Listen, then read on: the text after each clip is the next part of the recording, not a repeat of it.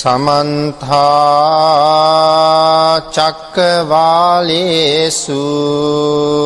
අත්‍රාගච්ඡන්තු දේවතා සද්ධම්මං මුනි රාජස්ස සුනන්තු සග්ග මොක්කදං ධම්මස්සවන කාලෝ අයං භදන්තා ධම්මස්සවන කාලෝ අයං භදන්තා ධම්මස්සවන කාලෝ අයං භදන්තා නමෝතස්ස භගවතු අරහතු සම්මා සම්බුද්දස්ස නමෝතස්ස භගවතු අරහතු සම්මා සම්බුද්දස්ස නමෝතස්ස භගවතු අරහතු සම්මා සම්බුද්ධස්ස සද්ධර්ම ශ්‍රාවක කාරුක ගුණගරුක බෞද්ධ පින්නතුනි බොහෝම ශ්‍රද්ධාවෙන් යුක්තව මේ පින්වත් පිරිස සැදී පැහැදී සූදානම් වෙන්නේ තථාගත ශාන්තිනායක සම්මා සම්පියාණන් වහන්සේ විසින් දේශනා කොට වදාළ අති උතුම් ශ්‍රී සද්ධර්ම රත්නයෙන් අබමල් රේණුවකටත් වඩා අඩු බොහෝම පුංචි කොටසක් දේශනා කරවගෙන ධර්ම ගෞරවය පෙරදරි කරගෙන දේශනාගත ධර්මයේ ශ්‍රවණය කරන්නත් එසේ ධර්ම ශ්‍රවණය කිරීමෙන් ලැබෙන අවවාද අනුශාසනා තම තමන්ගේ ජීවිතවලට එකතු කරගෙන වඩාත් නිවැරදි ඊ타ත්ම ධර්මානුකූල වූ මෙලව ජීවිතයක් සකස් කරගන්නත් නිවැරදි වූත් ධර්මානුකූල වූත් මෙලව ජීවිතයක් තුලින් සුගතිගාමී වූ පරලොව ආයිති භවයක් ලබා ගැනීමේ පරම පවිත්‍ර චේතනාව මුදුන්පත් කරගෙනයි සද්ධර්ම ශ්‍රවණය කරන්න සූදානම් වෙන්නේ. වෙනතින මේ ධර්ම දේශනාව ධර්ම දේශනා මාලාවක් හැටියට දෙගින් දිගට සිද්ධ වුණ දේශනාවක්. අද මේ සූත්‍ර දේශනාව යම් ප්‍රමාණයකින් නිමා කරන දේශනාව හැටියට මේ අවසාන දේශනාව සිද්ධ කරන්න සූදානම් වෙන මොහොත භාග්‍යතුන් වහන්සේ විසින් දේශනා කොට වදාළ ආශ්චර්යමත් වූ මහා සමේ සූත්‍ර දේශනාව මේ සූත්‍ර දේශනාව ඕනෑම තැනක ආරම්භක අවස්ථාවේදී පවා දේශනා කරන්න සුදුසු දේශනාවක් හැටියටයි ධර්මයේ සඳහන් කරන්නේ. ඒ නිසා මේ දෙවිවරු පිළිබඳව සඳහන් කරන දේශනාවක්. දෙවිවරු සඳහන් කරන්නේ මේ සූත්‍ර දේශනාව අපේ සූත්‍ර දේශනාව කියලා. ඒගොල්ලන්ගේ නම් ගොත් සඳහන් කරන නිසා මේ සූත්‍ර දේශනාව අහන්න දෙවිවරු බොහෝම ප්‍රිය කරනවා. ඒ නිසා භාග්‍යතුන් වහන්සේම දේශනා කළා ඕනෑම තැනක මේ සූත්‍ර දේශනාව මුලින්ම දේශනා කරන්න සුදුසුයි කියලා. ඕනෑම වෙලාවක දේශනා කරන්න සුදුසුයි. යම් ආරම්භක අවස්ථාවක අපි බොහෝ වෙලාවට සෙත් පිරිත් සජ්ජායනා කරනවා යමක් ආරම්භ කරන වෙලාවට. එවන් ආරම්භක මොහොතක පවා දේශනා කරන්න ඊටාම වටින දේශනාවක් හැටියට මේ සූත්‍ර දේශනාව සඳහන් කරලා තියෙනවා. මොකද මේ දේශනාව ඇහෙනකොට දෙවිවරු ගමන් කරනවා නම් නතර වෙලා ඒ ස්ථානයේ දිහා බලලා යන්න තරම් විශේෂ අවධානයක් මේ සූත්‍ර දේශනාවට දක්වලා තියෙන බව. ඒ නිසා අද මේ සූත්‍ර දේශනාවත් එක්ක අපි බොහෝ ධර්ම කාරණා සාකච්ඡා කරන්නට යෙදුනා. අද දේශනාව තුළ විශේෂයෙන් සඳහන් කරන්න තියෙන්නේ මේ අවස්ථාවට සහ සම්බන්ධ වෙච්ච අසීමාන්තික දිව්‍ය ගණයාගේ දේව නම් බුදු පියාණන් වහන්සේ සඳහන් කරලා තියෙනවා. අපි මුලින් සාකච්ඡා කළා පොඩි පොඩි දෙවිවරු කල්පනා කරන්න ඇති භාග්‍යවතුන් වහන්සේ අපේ නම් සඳහන් කරන්නේ නැති වෙයි කියලා. පොඩි දෙවිවරු එහෙම හිතුවා. ඒක භාග්‍යවතුන් වහන්සේ බැලුවා මේ දෙවිවරු මොනවද හිතන්නේ. වෙලාවේ භාග්‍යවතුන් වහන්සේ බලන වෙලාවමයි මේ දෙවිවරු මේ කාරණාව හිතන වෙලාව. නිසා අපි මුලින් සඳහන් කළා හරියට බඩුත් එක්ක හොරු අල්ලගත්තා වගේ කියලාම අට කතාවේ සඳහන් කරන්නේ මුඛයෙන් ඇතුළට අත දාලා හෘද මාංශය අල්ලගත්තා වගේ මේගොල්ලෝ සිතනවාත් සමගම සිටුවිල්ල භාග්‍යතුන් වහන්සේ අල්ලගත්ත නිසා තීරණය කරනවා මේ කිසිම දෙවි කෙනෙක් අමතක කරන්නේ නැතුව ඔවුන්ගේ නංගොත් ප්‍රකාශ කළ යුතුයි දේශනා කළ යුතුයි කියලා. ඒ නිසා මේ නම් දේශනාව තමයි අද බොහෝ දුරට සඳහන් කරන්න තියෙන අවසාන දේශනාව හැටියට. අපි අන්තිමට සාකච්ඡා කරන්නට යෙදුනේ අයිරාවණ කියන හස්ති රාජයා පිළිබඳව තොරතුරු දෙව්ලොව තතු දැක්වීමේදී අයිරාවණ හස්තියා පිළිබඳව තොරතුරු වලින් අපි කලින් දවසේ දේශනාව නිමා කළා. අද ඊළඟ ගාථා රත්නයේ ඉඳලා තමයි දේශනාව පටන් ගන්න තියෙන්නේ. යේ නාග රාජේ සහසා හරಂತಿ දිබ්බා දිජාපක්ඛි විසුද්ධ චක්කු. වේහාසයාතේ වන මජ්ජපත්තා චිත්‍රාසුපන්නා ඉති තේසං නාමානි. යේ නාග රාජේ සහසා හරಂತಿ. මෙතන සඳහන් කරනවා ගුරුළු රාජයෝ දෙන්නෙක් පිළිබඳව. චිත්‍ර සහ සුපර්ණ කියන ගුරුළු රාජයෝ දෙන්නෙක් මේ ගුරුළු වංශ දෙකක් පිළිබඳව වෙන්න පුළුවන් මේ ගුරුලන්ට මේ නාග රාජයෝ ඊටාම බයයි යම්සේ ගුරුලෙක් නාග රාජයෙකුට පහර දුන්නොත් කිසිසේත්ම ගුරුලට දෂ්ට කරන්නවත් ඒ නාගයා උත්සාහ දරන්නේ නැහැ කියලා සඳහන් කරන්නේ. ශරීරයේ හොලවන්නේවත් නැහැ කියලා සඳහන් කරන්නේ. ඊටාම දරුණු නියපොතු තමයි මේ ගුරුලන්ට තියෙන්නේ. නාගරාජයෝ දැක්ක ගමන් මේ සර්පයෝ දැක්කහම ඇවිල්ලා වහනකොට මේ ගුරුලාගේ නියපොතු සත්වයාගේ ශරීරය හරහා ගමන් කරනවා කියලායි සඳහන් කරන්නේ. තාම දරුණු නියපොතු ශරීරයේ සිදුරු කරගෙන අනිත් පැත්තෙන් මතුවෙන්න හරහා ගමන් කරන අය දඟලන්නවත් ඉඩක් ඉතුරු කරන්නේ නැහැ. එහෙනම් එහෙම ගුරුල් රාජ්‍යය තමයි මේ චිත්‍ර සහ සුපර්ණ කියන ගුරුල් රාජ්‍යය. ඒ වගේම මේගොල්ලන්ට තියෙන හොඳට පේන ඇහැක් මෙතන සඳහන් කරන හැටියට යොදුන් දහසක් පමණ ඈත පේනවා මේගොල්ලන්ට. ඉතින් යොදුනක් කියලා කියන්නේ සතපුම් 16ක්. ඉතින් ඒක දහසෙන් ගණන් කරලා බැලුවොත් ඒ තරම් දුර කොයිතරම් දුර පේනවා වුණත් යම් සතෙකුගේ ඇහැම මේගොල්ලන්ට පේනවා කියලා සඳහන් කරන සතා නෙමෙයි මනාව ඇහැ පේනවා කියලා සඳහන් කරනවා. ඒ පෙනීම ඒගොල්ලන්ට ලැබුණේ සංසාරේ පුදුමාකාර පින්කම් කරපු නිසා. තිරිසන් හැටියට ඉපදිලා හිටියට පින්කම් කරලයි මේ පෙනීම ලැබිලා තියෙන්නේ. අපි මේ කාරණාව මුලින්ම සාකච්ඡා කෙරුවා. මනුස්ස ජීවිතයක් ලබන්න අවශ්‍ය කුසලය ඒකාන්ත වශයෙන් ආරක්ෂා කරන සීලය.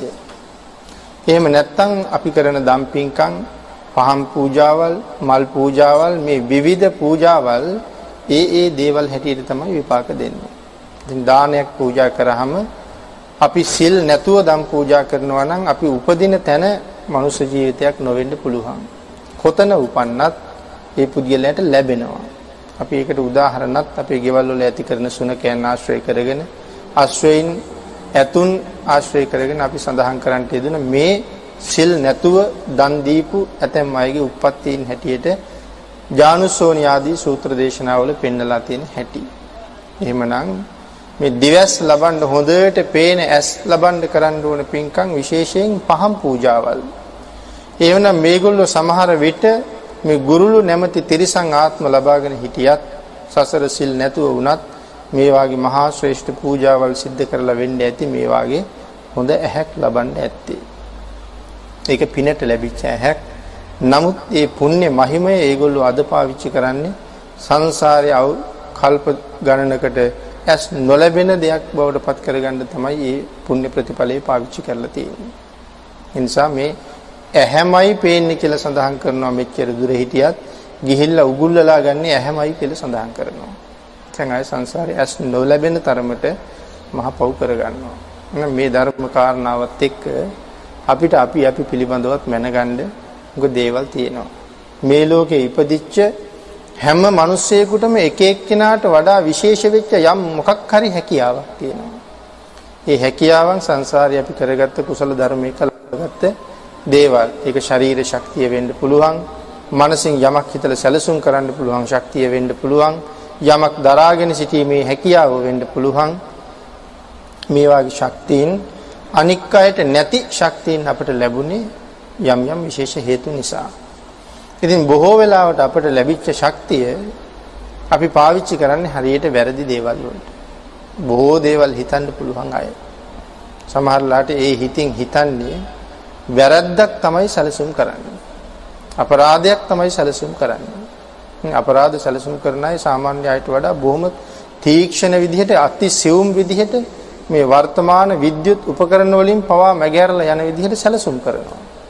නමුත් ඒගොල්ලෝ සංසාරේ ලබාගත්ත ලොකු හැකියාවක් ඒක. එහෙම සැලසුම් කරලා ඒ කටයුතු වලට එළඹෙන්න පුළුවන් අය මේ මාර්ගය ඔස්සේ යහපත් පැත්තට ඒ සිතුවිලි යොමු කරලා ක්‍රියාත්මක කෙරුවා නම් සමහරලාට මාර්ගඵල ලබන්න පුළුවන් තරම් මහා ශක්තියින් තියෙන අය. එහෙනම් මේ එක එක ශක්තියින් පුද්ගලයාට ලැබිලා තියෙන්නේ තමන් ඒ ඒ සිද්ධ කරගත්ත දේවල් අනුව නමුත් වැඩි දෙනාගේ ශක්තිය භාවිතායට ඇවිල්ලා තියෙන වැරදි වැරදි පැත්තට. ඒ නිසා මේ ගුරුලන්ටත් ලැබිලා තියෙන ශක්තිය ඒගොල්ලෝ පාවිච්චි කරන්නේ වැරදි පැත්තට.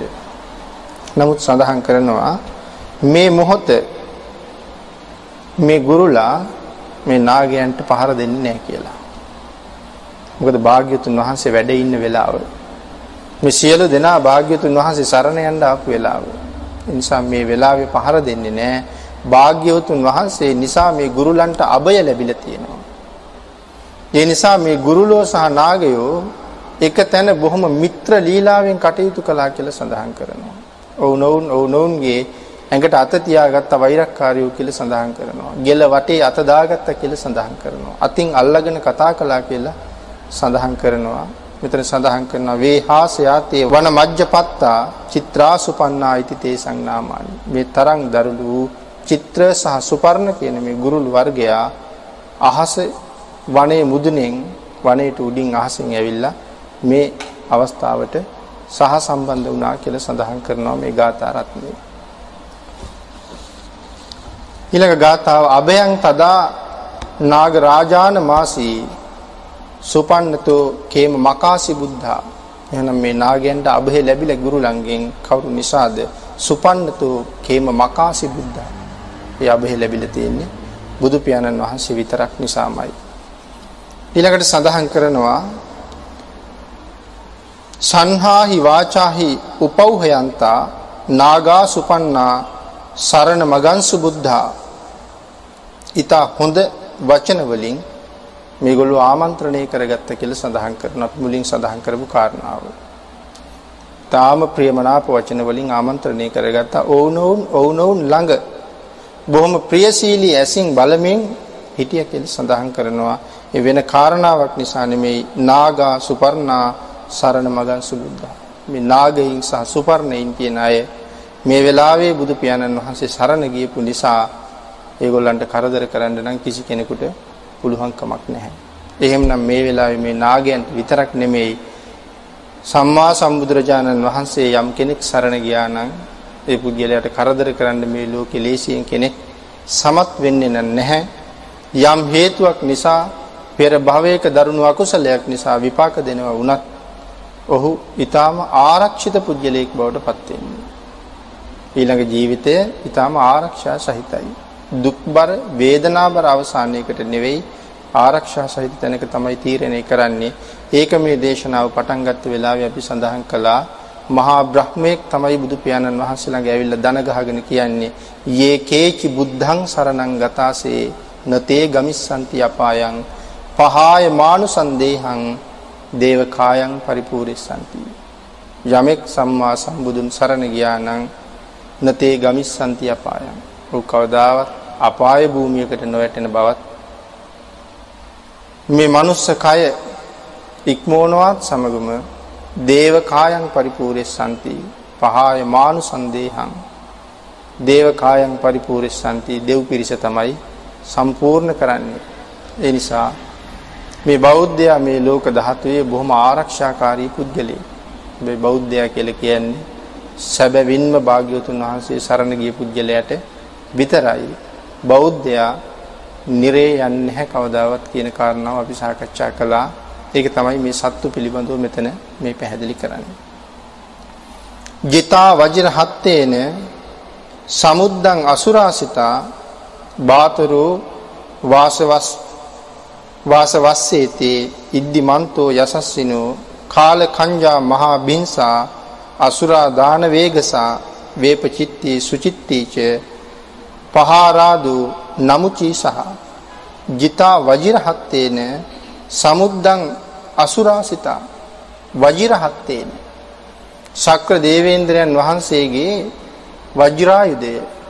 මේ වජ්‍රායුධයෙන් සමුද්දං අසුරාසිතා සමුද්‍රය අරගෙන ඉන්න අසුරයෝ පරාජය කරලා බය කරලා තියෙනවා. සක් දෙවිඳුගේ පිළිරුව දැක්කත් අසුරයෝ ආපහු යනවා කියලා සඳහන් කරනවා වජ්‍රායුධය අරන් ඉන්නේ පිළිරුව. ඒ නිසා කෞතිසාවේ වටේටම නාග සුපර්ණාදීන් පරාජය කරගෙන මේ අසුරයෝ ආවොත් කෞතිසාවේ වටේටම හදලා තියෙනවා සක් දෙවිඳුගේ පිළිරුවවල්. ඒ හැම පිළිරුවක්ම වජ්‍රායුධය අතේ තියාගෙන ඉන්නේ. මේ සියලුම දෙනා පරාජය කරගෙන අන්තිම තැනට එනකොට අසුරයෝ කල්පනා කරනවා සක්‍රය එළියට ආවා. ඒ මොහොතින් බිම් බලාගෙනම ආපහු අසුර ලෝකයේ දක්වාම ගිහිල්ලා තමයි ආපහු හැරෙනවා කියලා සඳහන් කරන්නේ. නමුත් හදලා තියෙන්නේ පිළිරුව එහෙමනම් අසුරයෝ බොහොම බයයි මේ වජ්‍රායුධයට සක්‍ර දේවේන්ද්‍රයන්ට. නමුත් බාතරෝ වාස වස්සේති ඉද්දි මන්තෝ යසස්සිනෝ මහත් වූ 이르දි ඇති මහත් වූ යසස් ඇති. මේ අසුරයන්ටත් ඊටාම ඉහළ 이르දි තියෙනවා. කීර්තිමත් හරිම යසසින් තිරිල ඉතිරිලා ඉන්න පිරිසක්. දෙව්ලොව හා සමාන සැප තියෙන පිරිසක්. මේගොල්ලෝ දෙව්ලොවෙන් විසි කරපු නිසානේ මහමෝදේ ඉන්නේ. සුරාපානය කරපු නිසා දෙව්ලොවෙන් උස්සලා විසි කෙරුවා. ඒ නිසා තමයි සාගරයට වැටුනේ.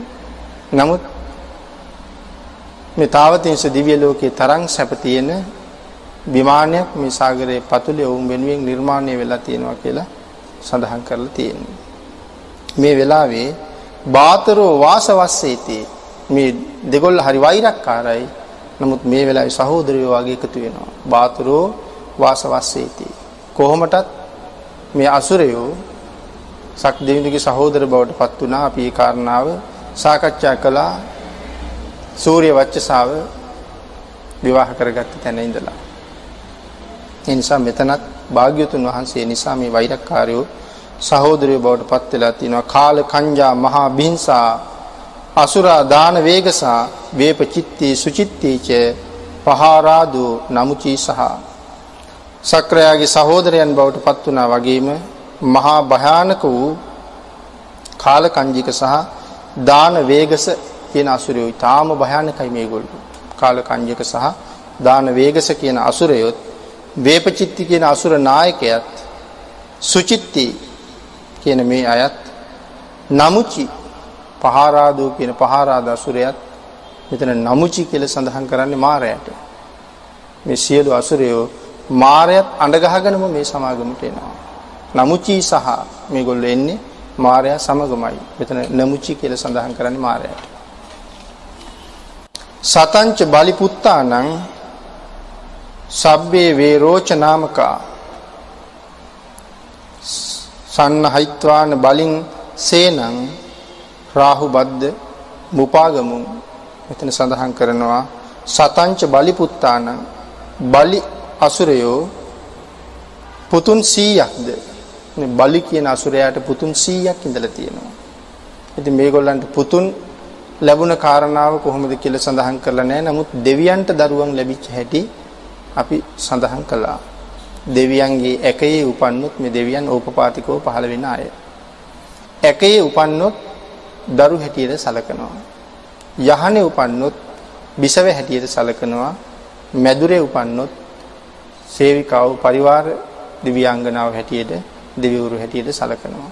එහෙමනම් මේ අසුරයන්ගෙත් දරුවෝ බිහිවීම මේ විදිහට සිදු වෙනවා ඇති කෙසේ වෙතත් සතංච බලි පුත්තානං මේ බලි කියන අසුරයාගේ දරුවෝ 100ක් පිළිබඳව මෙතන සඳහන් කරනවා.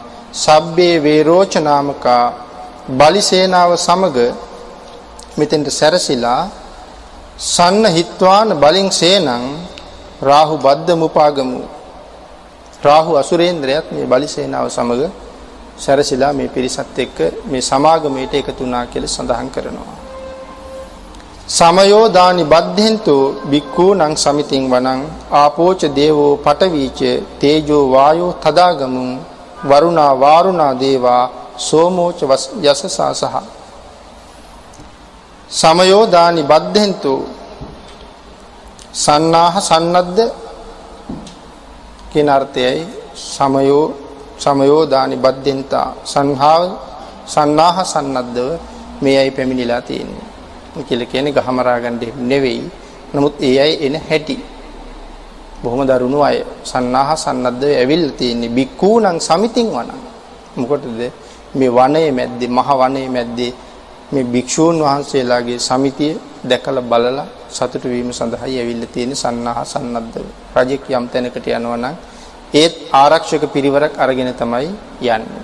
නිසා මේගොල්ලෝ එන්නේ සන්නාහ සන්නද්ධවමයි. නමුත් ඒ අවි පාවිච්චි කරන්න එහෙම නෙවෙයි.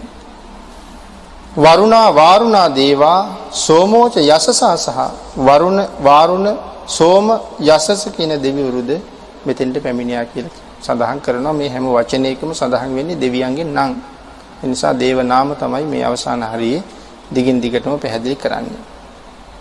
මෙත්තා කරුණා කායිකා ආගු දේවා යසස්සිනෝ දසේ තේ දසදහ කායා සබ්බේ නානත්ත වන්නිනා. විවිධ වූ වර්ණයන්ගෙන් යුක්ත සබ්බේ නානත්ත වන්නිනා. දසේතේ දසදාකායා. මෙත්තා කරුණා කාරුණිකා මේ මෙත්තා කරුණා කියලා කියන්නේ අපි සතර බ්‍රහ්ම විහාර ගුණ හැටියට සඳහන් කරනම් ඉතින් මේ තියෙන්නේ මේ දෙවිවරුන්ගේ නම් හඳුන්වලා තියෙන්නේ මේ දෙවිවරු මෙත්තා. මෙත්තා කියන දෙවිවරු මෛත්‍රියට බරයි. කරුණා කියන දෙවිවරු කරුණාවට බරයි එහෙනම් ඒ නමින්ම තමයි මේගොල්ලෝ හඳුන්වලා තියෙන්නේ මේ සූත්‍ර දේශනාවේ මේගොල්ලන්ගේ නම මීට වඩා දිගයි. නමුත් දේශනාවේ අරගෙන තියෙන්නේ ඒ නමේ මුල් කොටස විතරයි. මෙත්තා කරුණා කාරුණිකා. ඒ කියන්නේ මේ දෙවිවරුගේ නම්ම තමයි මේ සඳහන් කරලා තියෙන්නේ. ඉද්දි මන්තෝ ජුති මන්තෝ වන්න වන්තෝ යසස්සිනෝ. හැබැයි මේගොල්ලෝ හැමෝටම 이르දි තියෙනවා. ඒ වගේම හරි වර්ණවත් යසස්සිනෝ ඊටාම ඉහළ කීර්ති ഘോഷාවකුත් තියෙනවා යසසකුත් තියෙනවා. මෝදමාන අභික්කාමු බික්කූණං සමිතින් වන මේ රැස් වෙලා ඉන්නේ මේ භික්ෂූන් වහන්සේලාගේ සමිතිය බලන්න මේගොල්ලෝ රැස් වෙන්නේ මේ 10 දෙනා 10 දෙනා එකතු වෙච්ච දේව කණ්ඩායම් ප්‍රධාන කරගෙන තමයි මේ රැස් වෙන්නේ. ඒ කාරණාව මේ දේශනාවේ අගට පැහැදිලි කරලා තියෙනවා කොහොමද මේ 10 දෙනා හැදිලා තියෙන්නේ කියලා. වෙන්හූච දේවෝ සහලීච අසමාච දුවේ යමා. ඡන්දස්සු පනිසා දේවා. ඡන්ද මාගු පුරක්කත්වා. සූර්යස්සූප නිසා දේවා. සූර්ය මාගු පුරක්කත්වා. මේ වෙන් හූච දේවා. එන්න මේ කාරණාව හරි වටිනවා. වෙන් හූච දේවෝ. මේ වෙන් හූච දේවා කියන වචනය අද අපි පාවිච්චි කරනවා විෂ්ණු දෙවියෝ සඳහා යොදාපු නාමයක් කියලා. හැබැයි භාග්‍යවතුන් වහන්සේ දේශනා කරපු මේ පිටකතරේ කොතනවත් විෂ්ණු කියලා නමක් සඳහන් කරලා නැහැ. නමුත් අපි විෂ්ණු කියලා නමක් වර්තමානයේ ඕන තරම් භාවිතා කරනවා. ඒ නිසා මේ කාරණාව තව තව හොයලා බලන එක වටිනවා පිටකයෙන් විෂ්ණු කියලා නමක් හම්බ වෙන්නේ නෑ මේ වෙන්හු කියන නම වෙන්ඩු කියන දේවී පුත්‍රයා හඳුන්වපු නම කියලා තමයි මහා සමය සූත්‍රයේ සඳහන් වෙන්නේ. වෙන්හු කියලා කියන්නේ වෙන්ඩු කියන දිව්‍ය පුත්‍රයා හඳුන්වපු නම. වෙන්හූච දේවා සහලීච අසමාච දුවේ යමා.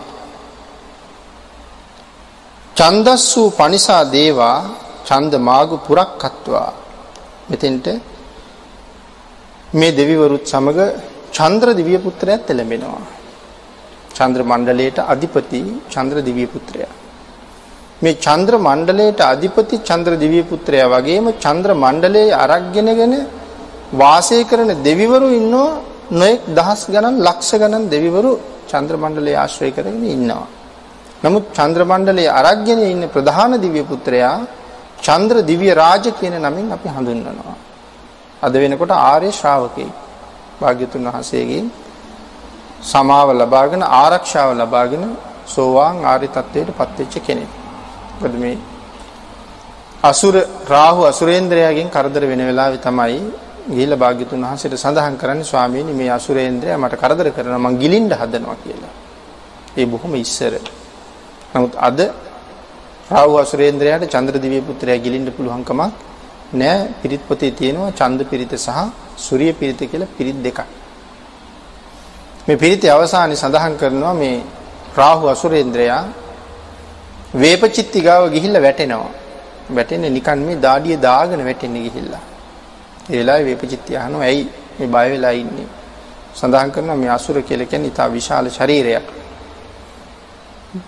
අපි හැටියට කල්පනා කරලා බැලුවොත් හරියටම ගාන නිවැරදි නම් උස ප්‍රමාණය යොදුන් ගණන් වලින් සඳහන් කරලා තියෙන්නේ සතපුම් වලින් සතපුම් 65088ක් විතර මේ අසුර රාජයා උසයි.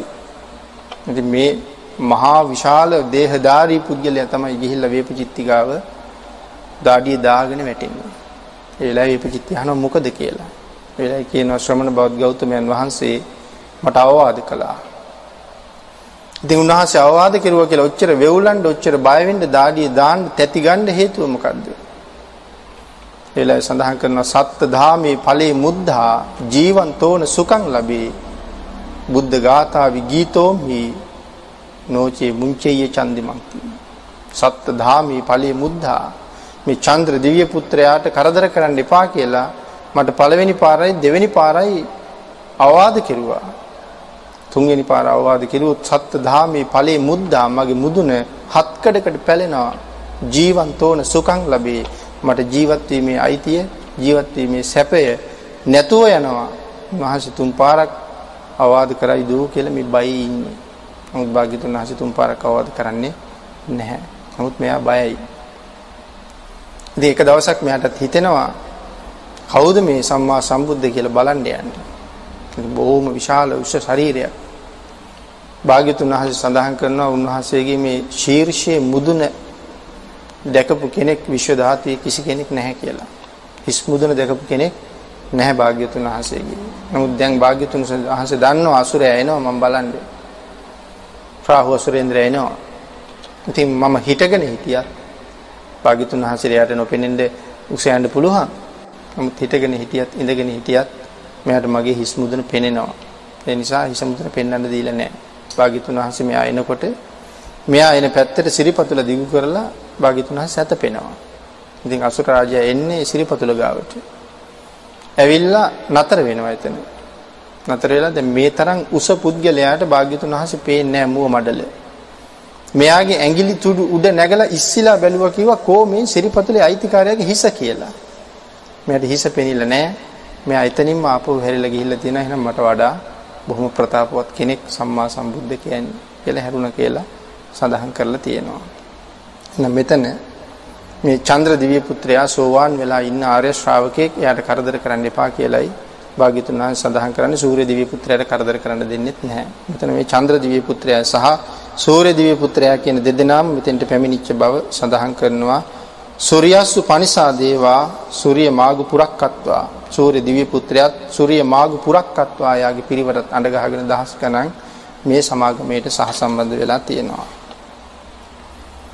නක්කත්තානි පුරක්කත්වා ආගු මන්ද වලාහකා වසූනං වාසවෝ සෙට්ටා සක්කෝපාග පුරින්දදු පුරින්දදු කියලා කියන්නේ හැමෝටම පෙරටුව දන් දුන්න නිසා සක්‍ර දේවේන්ද්‍රයට ලැබෙනවා නමක් පුරින්දද කියලා.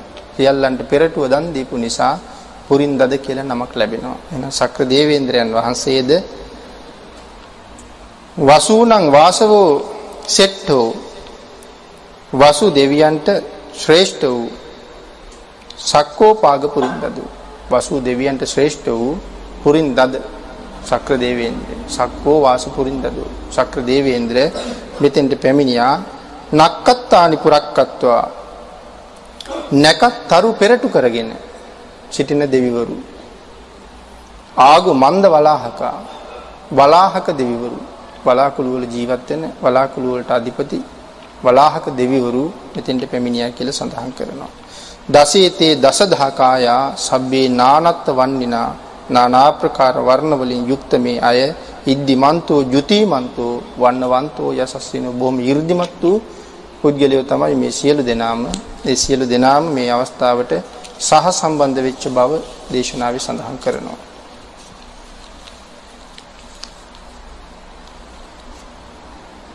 අතාගු සහබූ දේවා ජල මග්ගි සිකාරිව අරිට්ට කාච රෝජෝච උම්මා පුප්ප නිභාසිනෝ අතාගු සහබූ දේවෝ. දිලිසෙන ගිනි සිලු වාගේ සමහර දෙවිවරු බොහොම දිලිසෙනවා කොයි වගේද හරියට ගිනි කඳන් වගේ. අතාගු සහබූ දේවෝ කියලා කියන්නේ ගිනි කඳන් වගේ දිලිසෙනවා. තව පිරිසක් ඉඳලා තියෙනවා ජල මග්ගි සිකාරිව. මේ සමහරට අපි හරියටම දැකලා නැතුව ඇති මේ ජල මග්ගි සිකාරිව කියලා කියන්නේ දිය බෙරළිය මල් හැබෑම දියබෙරළිය මලේ පාටයි කියලා සඳහන් කරනවා සමහර දෙවිවරු. ජල මග්ගි සිකාරිව අරිට්ට කාච රාජෝව උම්මා පුප්ප නිභාසිනෝ දිය පිරලිය මල් වගේ. වරුණා සහ ධම්මෝච වරුණ සහ ධම්ම කියන දෙවිවරු දෙදෙනා. අච්චුතාච අනේජකා අච්චුත සහ අනේජක කියන දෙවිවරු. සූලෙය රුචිරා ආගු සූලෙය්‍ය රුචිර කියන දෙවිවරු සහ වාසවා නේසි වනේසිනෝ වාසවා කියන වාසව කියන දෙවිවරු මේ අවස්ථාවට සහ සම්බන්ධ වුණා කියලා සඳහන් කරනවා. දසේතේ දසදහකායා සබ්බේ නානත්ත වන්නිනෝ ඉද්දිමන්තෝ ජුතිමන්තෝ වන්නවන්තෝ යසස්සිනෝ. ඊටාම ඊර්ධිමත් වූ වර්ණවත් වූ යසස් කීර්ති වලින් යුක්ත මේ දෙවිවරු මෝදමානා භික්ඛාමු භික්ඛූණං සමිතින් වණං මේ සැපමිනිල තියෙන්නේ මේ භික්ෂූන් වහන්සේලා පිරිච්ච මේ රැස්වීම බලන්න. සමානා මහා සමානා මානුසා මානුසුත්තමා සමානා මහා සමානා මානුසා මානුසුත්තමා මේ සමානා මහා සමානා කියන මේ දෙවිවරු ගැන සඳහන් කරන්නේ සඳහන් කරනවා මේ දිව්‍යමය කාමය ගැන. දෙවිය දෙව්ලොවට වෙලා විඳින සැප. අපට මොන සැප විඳ විඳ හිටියත් බඩගිනියාම අපි මේ සෙයල සැප අතහැරලා යනවා බඩගිනි නිසා මේ බඩගිනි දුක වේදනාව නැති කරගන්න. යම් තැනක වාඩි වෙලා බොහොම ප්‍රිය උපදවන හිත හොඳට බැඳෙන සමහරලාට ටෙලි නාට්‍යයක් වගේ දෙයක් බල බල හිටියත් බඩගිනි આવුත් නැගිටලා යනවා යටත් පිරිසෙන් කෑමක එතෙන්ට අරන් එන්න හරි නැගිටලා අපි යනවා. ඒ නිසා අවශ්‍යතාවය නම් ඊටාම තදින්ම දැනෙනවා ආහාරයේ අවශ්‍යතාවය. නමුත් මේ දෙවියන්ට එහෙම නෑ කියලා සඳහන් කරනවා. කුස ගින්දර දැනෙන්නේ නැති තරම් සැපයි කියලා කියනවා. ඒ තරම් කාම සම්පත් මේගොල්ලෝ භුක්ති විඳිනවා ඒ නිසා බඩගින්න නැතුව කෑම කන එක අමතක වෙනවා. කෑම කන එක අමතක වෙලා මේගොල්ලන්ට ජීවත් වෙන්න පුළුවන් අපිට වගේ එහෙම බෑ. දැන් මේ දෙවියෝ දැන් චාතුම් මහරජික දෙවිවරු. ඒගොල්ලන්ගේ එක දවසකට මනුස්ස වර්ෂ 50ක් තියෙනවා. අපේ අවුරුදු 50ක් ඒගොල්ලන්ට එක දවසයි. දැන් අපිට නම් එක දවසක් කෑම කෑවෙන්නේ කියලා ගැටලුවක් වෙන්නේ නැහැ. දවස් දෙකක් දවස් තුනක් කෑවෙන්නේ කියලා අපිට ගැටලුවක් වෙන්නේ නැහැ. නමුත් මේ දෙවියන්ට එහෙම ඉන්න බෑ. අපිට නම් ඉතින් සඳහන් කරනවා හත් දවසක් කෑම නොකා ඉඳලා අටවෙනි දවසේ කෑම කෑවොත් ජීවත් කරවන්න බෑ කියලා. ඒ මනුස්ස ලෝකේ. මේ දෙවියන්ට සමහරලාට දවසකට එක වේලයි වෙන්න ඇති ආහාර ගන්නෙ. මේ ආහාර ගන්න දවස වේල අමතක වුණොත් එහෙම අනිවාර්යෙන් චුත වෙනවමයි. ආයි පවතින්න පුළුවන් කමක් නැහැ. ඔහු පවත්වන්න උත්සාහ කරනවා නම් යම් කෙනෙක් සඳහන් කරනවා දවල් තිස්සේම රත් වෙච්ච ගලක් උඩට මල්පෙති ගෙනihin දාලා උදේ ඉඳලා තියලා දවල් තිස්සේම ගල රත් වෙලා මල්පෙති ඇකිලිලා තියෙන්නේ. ඒ මල් පිටි වලට වතුර වැක්කුවට කොහොමවත් මල් පිටි දිගාරින්න පුළුවන්කමක් නැහැ. මේ මේ මෙයාට අමතක වුණොත් කෑම වේල අය පස්සේ කෑම දීලා හැම මෙයා නවත්තන්න බෑ චුත වෙනවමයි.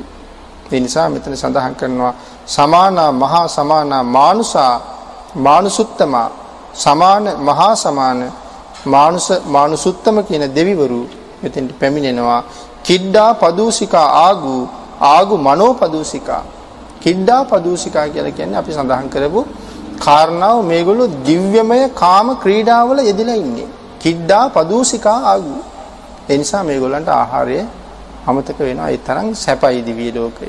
හැබැයි ඉතින් ආහාරය අමතක වුණොත් ඒ වගේම තමයි ජීවිතේ ඉවර වෙනවා. එමනම් චාතුම් මහරජික දෙවියන්ගේ එක දවසකට මනුස්ස වර්ෂ 50යි. තාවතිංස දෙවියන්ගේ එක දවසකට මනුස්ස වර්ෂය 100යි. යාම දෙවියන්ගේ එක දවසකට මනුස්ස වර්ෂ 200යි. තුසිත දෙවියන්ගේ එක දවසකට මනුස්ස වර්ෂ 400යි. එතකොට මේගොල්ලෝ කෑම කන්නේ අපේ හැටියට බැලුවොත් අවුරුදු 400කට පස්සේ කෑම වෙලා කන්නේ. ඒකයි මේ දරන්නේ නැත්තේ. ඊළඟ දෙවියන්ට පස්වෙනි දිව්‍ය ලෝකයක දවසකට මනුස්ස වර්ෂ 800යි. හයවෙනි දිව්‍ය ලෝකයක දවසකට මනුස්ස වර්ෂ 1600යි. අපේ අවුරුදු 1600ක් පරිනිම්මිත වසවර්තයේ තියෙන පරිනිම්මිත වසවර්තයට එක දවසයි. 1600යි 1600යි එකතු කරලා බැලුවොත් 3200යි. භාග්‍යතුන් වහන්සේ පිරිනිවන් පාල දැනට ගෙවිලා තියෙන අවුරුදු 2560ක් විතර. එහෙමනම් මේ දෙවියන්ට පරිනිම්මිත වසවර්තී දෙවියන්ට තව බුදු පියාණන් වහන්සේ පිරිනිවන් පාලා දවසක් සම්පූර්ණ කරලා නැති තරම්. දවසක් සම්පූර්ණ කරලා නැති තරම්. නෑ දවසක් සම්පූර්ණ කරලා තියෙන දෙකක් සම්පූර්ණ කරලා දවස් දෙකක් සම්පූර්ණ කරලා නෑ. දවස් දෙකකුත් පැය ගාණක් තමයි ගෙවිලා තියෙන්නේ. ඉතින් ඒ තරම් දීර්ඝ වූ ආයුෂය අපේ අවුරුදු 1600කට සැරයක් ඒගොල්ලෝ ගන්න ආහාරය ගන්න අමතක වුණොත් ආය ආහාර දීලා පවත්වන්න පුළුවන් කමක් නැහැ. කිඩ්ඩා පදූසිකාගු කියලා කියන්නේ ඒකයි. අතාගු හරයෝ දේවෝ යේච ලෝහිත වාසිනෝ පාරගා මහා පාරගා ආගු දේවා යසස්සිනෝ ලෝහිත වාසි දෙවියෝ දාහ පාරගා මහා පාරගා ආගු දේව කියන මේ සියලුම දෙවිවරු මේ අවස්ථාවට සහ සම්බන්ධ වෙලා තියෙනවා. දසේතේ දසදහකායා සබ්බේ නානත්ත වන්නා. මේ විවිධ නම් ගොත් වලින් සඳහන් කරන මෙතන දසේතේ දසදහකායා කියලා කියන්නේ අපි මේ සඳහන් කරන තැන දෙවිවරු 10 දෙනාගේ 10 දෙනාගේ නම් තියෙන්නේ මේ. දසේතේ දසදහකායා කියන්නේ ඒකයි. මේ 10 දෙනා 10 දෙනා දෙවිවරු රැස් වෙනවා මේ 10 දෙනා රැස් වෙනකොට මේ 10 දෙනාත් එක්ක අප්‍රමාණ පිරිසක් ඉන්නවා. ඒ සියලු දෙනා නියෝජනය කරමින් තමයි මේ නම් මෙහෙම භාග්‍යතුන් වහන්සේ දේශනා කරලා තියෙන්නේ. එතකොට හැමෝම හිතන්නේ අපි අපි ගැන කතා කළා. මෙහෙම කොටස් කරලා තමයි මේ දේශනාව කරලා තියෙන්නේ. එහෙම නැත්නම් මේක මෙහෙම කෙටියෙන් අපිට ඉවර කරන්න බැරි නිසා. මේ කෙටියෙන් ඉවර කරන්න බැරි නිසා තමයි අපි සඳහන් කළේ සූත්‍ර හතක් සහ ජාතක කතා පහක් සාකච්ඡා කරන්න අවශ්‍යයි කියලා. සුක්කා කරුම්හා අරුණා ආගු වේග නසා සහ සුක්ක කරුණ අරුම්හ යන දෙවියෝද වේගස යන දෙවියන් සමග ආහ. සුක්ක කරුම්හ කියන මේ දෙවිවරු වේගස කියන දිව්‍ය රාජ්‍යත් එක්ක මෙතෙන්ට සහ සම්බන්ධ වෙලා තියෙනවා. ඕදාත ගයිහා පාමොක්ඛා ආගු දේවා විචක්කනා. ඕදාත ගයිහ ප්‍රමුඛ දෙවියෝද විචක්කන දෙවියන් සමග ආහ. එහෙනම් විචක්කන කියලා කියනකොට අනික් අයට වඩා ටිකක් ටිකක් ලොකු නායක දෙවියෙක් වගේ කියලා එතකොට හැඟෙනවා. සදා මත්තා හාරගජා මිස්ස කාච යසස්සිනෝ තනයන් ආග පජ්ජුන්නෝ යෝ දිසා අභිවස්සති. සදා මත්ත හාරගජා මේ තියෙන්නේ දෙවිවරුන්ගේ නම්. සදා මත්ත කියන දෙවි කෙනෙක් හාරගජ කියලා කියන දෙවි කෙනෙක්. මිස්ස කාච කියලා කියන දෙවි කෙනෙක් යසස්සිනෝ කියලා කියන්නේ මේගොල්ලෝ බොහොම යසස් ඇති අය. තනයන් ආග පජ්ජුන්නෝ. වැසි වස්සවන පජ්ජුන්න දෙවියෝ. එතකොට වැසි වස්සවන දෙවියෝ අතර මේ පජ්ජුන්න දෙවියෝ. කොතම කොහොමද මෙතෙන්ට ආවා කියලා කියන්නේ ආගු පජ්ජුන්න කියලා සඳහන් කරන්නේ. මේගොල්ලෝ එනකොට විදුලි කොටමින් ගොරවගෙන මින් ඇවිල්ලා තියෙන්නේ. විදුලි කොටනවා ගොරවනවා මේ වැස්ස වලහක දෙවිවරු මේ ඇවිල්ලා තියෙන්නේ. දසේතේ දසදාකායා සබ්බේ නානත්ත වන්නා එන මේ දස දෙනෙක් වූ දේවකායිකාය නානා වර්ණ වලින් යුක්තයි ඊටාම 이르දිමන්තයි ඊටාම බල සම්පන්නයි බල සම්පන්නයි වර්ණයෙන් යුක්තයි මේ අය මේ ඇවිල්ලා තියෙන්නේ මේ භික්ෂූන් සහිත මේ වනයේ තියෙන සමාගම බලන්න. කේමියා තුසිතා යාමා කට්ට කාච යසස්සිනෝ ලම්බීත කාලාම සෙට්ටෝ ලම්බීතකා කාම සෙට්ටෝ ජෝති නාමච ආසවා කේමියා තුසිතා කියන්නේ කේමිය කියන දෙවිවරු සහ තුසිත යම කියන දෙවිවරු ඇවිල්ලා තියෙනවා. කට්ටක නම් මහා යසස් ඇති දෙවිවරු. කට්ටක කියලා කියන්නේ තවත් දෙවි කෙනෙකුගේ නම. මහා යසස් ඇති දෙවිවරු. ලම්බීතකා ලම්බීතක කාමසෙට්ට ජෝති සහ ආසව යන දෙවිවරු මේ අවස්ථාවට සහ සම්බන්ධ වෙලා තියෙනවා. නිම්මාන රතිනෝ ආගු අතාගු පරනිම්මිතා නිම්මාන රති දෙවිවරු සහ පරනිම්මිත දෙවිවරු මේ අවස්ථාවට සහ සම්බන්ධ වෙලා තියෙනවා. දසේතේ දස දහකායා එතන ආපහු දෙවිවරු දහ දෙනෙකුගේ නම් ගොත් සබ්බේ නානත්ත වන්නිනා ඉද්දිමන්තෝ ජුතිමන්තෝ වන්නවන්තෝ යසස්සිනෝ මෝදමානා අභික්කාමු බික්කූනං සමිතින් වනා සට්ටේතේ දේවනිකායා සබ්බේ නානත්ත වන්නිනෝ නාමන්වයේන ආගඤ්ඤුන් යේ චඤ්ඤේ සදිසා සහ සට්ටේ තේ දේවනිකායා දැන් අපි 10 දෙනා 10 දෙනා කණ්ඩායම් හයක් පිළිබඳව සාකච්ඡා කළා. එතකොට සට්ටේ තේ දේවනිකායා දැන් දේවනිකායන් 60ක් ගැන එතකොට සාකච්ඡා වෙලා තියෙනවා. සට්ටේ තේ දේවනිකායා සබ්බේ නානත්ත වන්නේ නොවුන් සියලු දෙනාම නානා වර්ණ වලින් යුක්තයි. නාමන් වේන ආගඤ්ඤුන් මේ සියලු දෙනාම නම් වශයෙන් යේ චඤ්ඤේ සදිසා සහ සමාන නම් ඇති අන්‍යයින්ද සමාන ඒ ඒ අර්ථ වලින් සඳහන් කරන පෞත්ත ජාතින් අකිලං ඕග තින්න මනාසවං දක්කේ මෝගතරං නාගං චන්දංච අසිතාතිගං කෙලස් උල් ගලවලා ආශ්‍රව රහිත කෙලස් උල් ගලවලා ඉන්නේ කියලා සඳහන් කරනවා මේගොල්ලෝ. ආශ්‍රව නැහැ. මේ සියලු දෙනාම නෙමෙයි ඇතැම් අය. කෙලස් උල් ඒගොල්ලෝ ගාව ක්ලේශ ධර්මයන් නැහැ යටපත් කරලා ඉන්න සමහර අය. ඒගොල්ලෝ ගැන සාකච්ඡා කරන්න සූදානම් වෙන වෙලාව. කෙලස් උල් ගලවපු අය. කවුද මේ කෙලස් උල් ගලවපු අය? ඒ කාරණාව සඳහන් කරනවා වෙනම සුබ්‍රහ්මා පරමත්තෝච පුත්තා ඉද්ධිමතා සහ කෙලෙස්ුල් ගලවලා ඉන්නයි මේ දෙවියෝ එහෙම නෙවෙයි දැන් දේවනිකායන් සට්ටේතියේ දේවනිකායා දේවනිකායන් 60ක් ගැන අපි කතා කරලා ඉවරයි. දැන් ඒකට කතා කරන්නේ කෙලෙස් උල් ගලවපු අය ගැන. ඒකට කෙලෙස් උල් ගලවපු අය කියලා කියන්නේ භාග්‍යතුන් වහන්සේගේ පුත්තු. සඳහන් කරන්නේ එහෙමයි. කෙලෙස් උල් ගලවලා ඉන්නේ බුදුරජාණන් වහන්සේගේ දරුවෝ. කවුද මෙතන සඳහන් කරන භාග්‍යතුන් වහන්සේගේ දරුවෝ? සුබ්‍රහ්මා පරමත්තෝච පුත්තා ඉද්ධිමතා සහ ඊර්ධිමතුන් වහන්සේගේ පුත්තු සුබ්‍රහ්මා බ්‍රහ්ම රාජවරු ගැනයි මේ සඳහන් කරන්නේ. කාම සම්පත් භුක්ති විඳින්නේ නෑ සුබ්‍රහ්මා ඉද්ධිමතා පුත්තා ඉද්ධිමතා සහ ඊර්ධිමතුන් වහන්සේගේ පුත්තු. ඒ කියන්නේ ආර්ය ශ්‍රාවකයෝ කියන අර්ථයයි. සනං කුමාරෝ තිස්සෝච සෝපාග සමිතින් වනං. සනං කුමාර තිස්ස සෝපාග කියන මේ මහා බ්‍රහ්ම රාජයෝ මේ වනාන්තරයට පැමිණියා.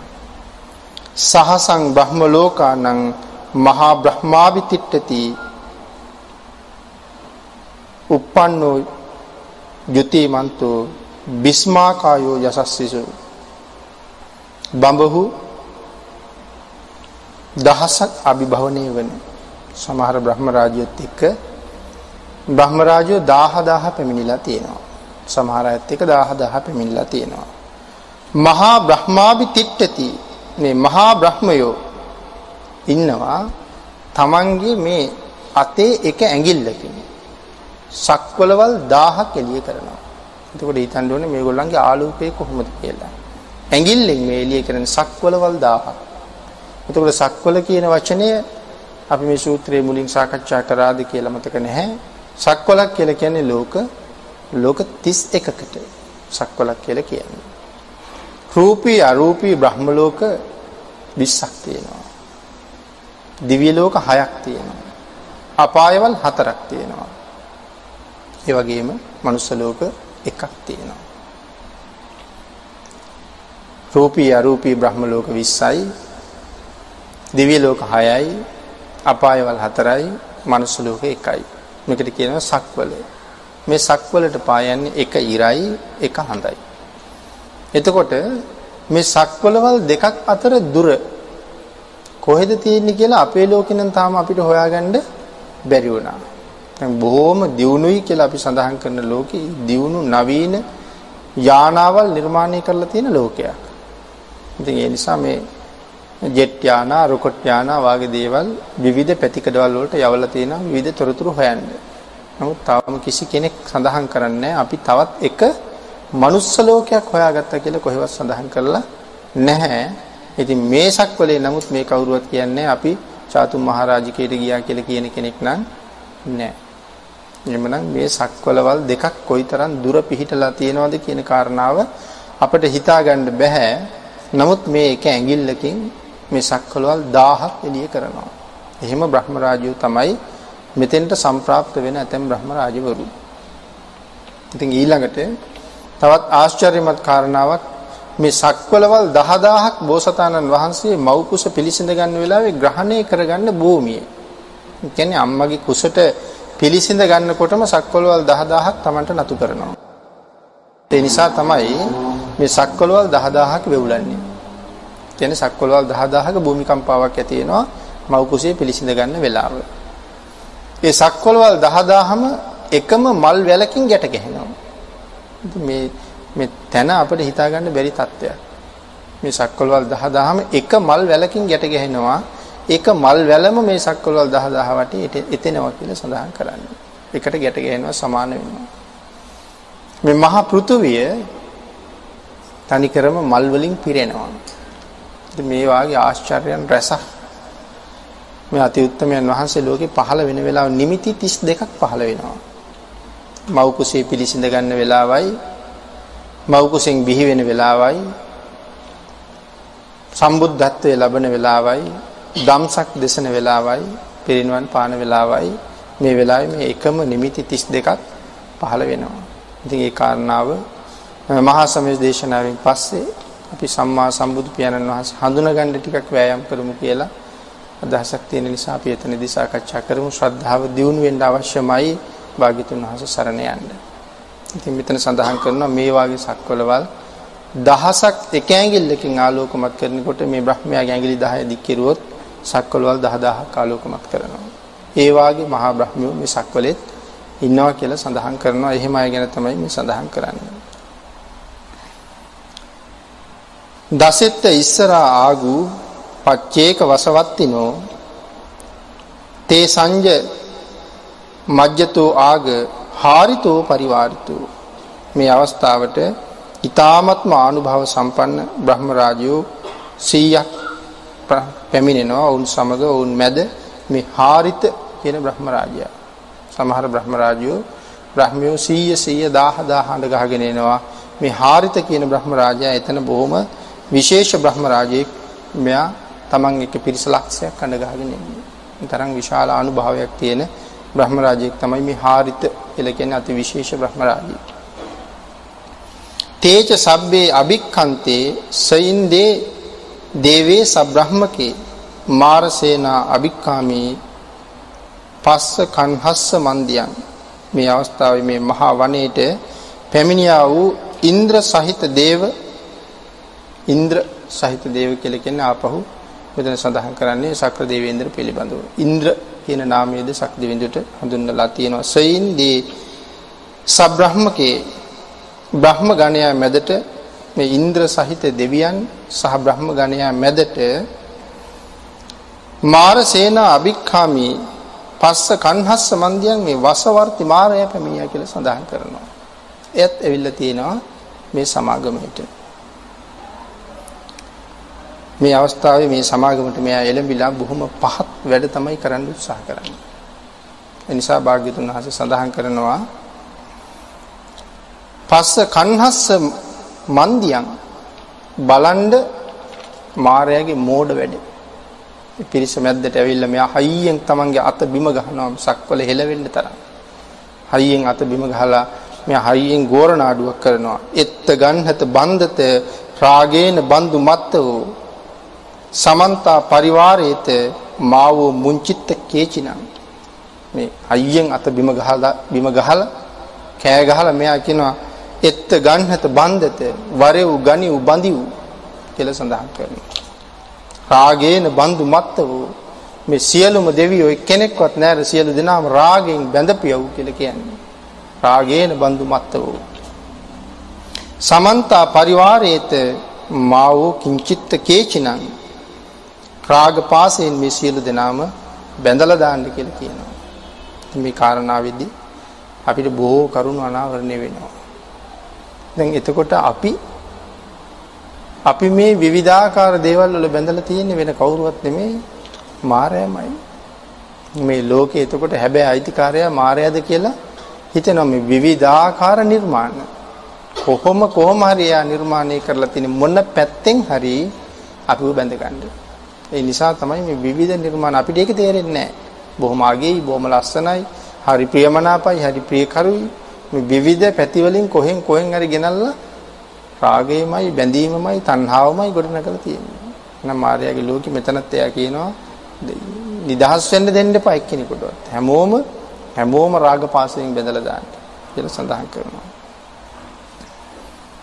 ඉති තත්ත මහා සේනෝ කන්න සේනං අපේසයි පානිනා පලමාහච්ච සරං කත්වාන බේරවං මහා සේන නම් මාරයා දෙව් පිරිස මැදට මාර පිරිස යවීය මහා සේන කියන මාරයා දෙව් පිරිස මැද්දට දැන් මේගොල්ලෝ රාග පාසයෙන් බන්ධවන්න මේ මාර සේනාව යවනවා. ඉතින් ඒගොල්ලෝ භාග්‍යතුන් වහන්සේ සම්මා සම්බුද්ධත්වයේ ලැබෙන තැනටත් මේ මාර සේනාව එව්වා රාගයෙන් බඳින්න. ඉතින් මේ වාගේ විවිධ උපක්‍රම සහ ක්‍රම පාවිච්චි කරලා මේ දෙවියන් අතරට මේ මාර පිරිස එවන්නේ ඇති රාගයෙන් බැඳ ගන්න ඕන නිසා. යතා පාවුස්සකෝ මේගෝ තනයන්තෝ සවිජ්ජිකෝ තදාසෝ පච්චුදාවත් පච්චුදාවත්ති සංකුද්දෝ වසයන් වසී තංච සම්බං අභිඥාය වවක්කිත්වාන චක්කුමා සඳහන් කරනවා නමුත් ඒ දෙව් පිරිස තම වසඟයට ගන්න මාර්යාගේ කිසිම පුජ්‍යලයකට කිසිම සේවකයෙකුට බැරි වුණා මේ අවස්ථාවේ. ඒ නිසා මෙතන සඳහන් කරනවා තංච සබ්බං අභිඥාය වවක්කිත්වාන චක්කුමා මාර්යාගේ කිසිම අභිලාෂයක් බලාපොරොත්තුවක් මෙතන මාර්යාට මුදුන්පත් කරගන්න බැරුව යනවා. ඒ බැරි වෙච්ච නිසා මේ මොහොතේ මේ සියලු දෙනාම භාග්‍යතුන් වහන්සේට නතු වෙලා ඉන්නේ. නිසා කිසි කෙනෙක් මායයට බැරි වෙනවා බැඳගන්න ඒ කාරණාව මෙතන සඳහන් කරනවා කොයි ආකාරයෙන් බැරි වුණාද කියන අවස්ථාව මායя අතරින් පතර හරි භයානක රූප නිර්මාණය කෙරුවා. මේ දෙවිවරුන් ඉන්න අරමුණෙන් බැහැර කරන්න. භයානක රූප නිර්මාණය කර කර මේ මාර්ගඵල ලබන පිරිස බිඳගණ්ඩයි හදන්නේ. මෙතන මගඵල ලබන පිරිස මේ මහා සමය වෙලාවේ සීමා කරන්න බෑ කියලා සඳහන් කරන්නේ. අසංකේයයක් නෙවෙයි අසීමාන්තිකයි. මගඵල ලබන පිරිස.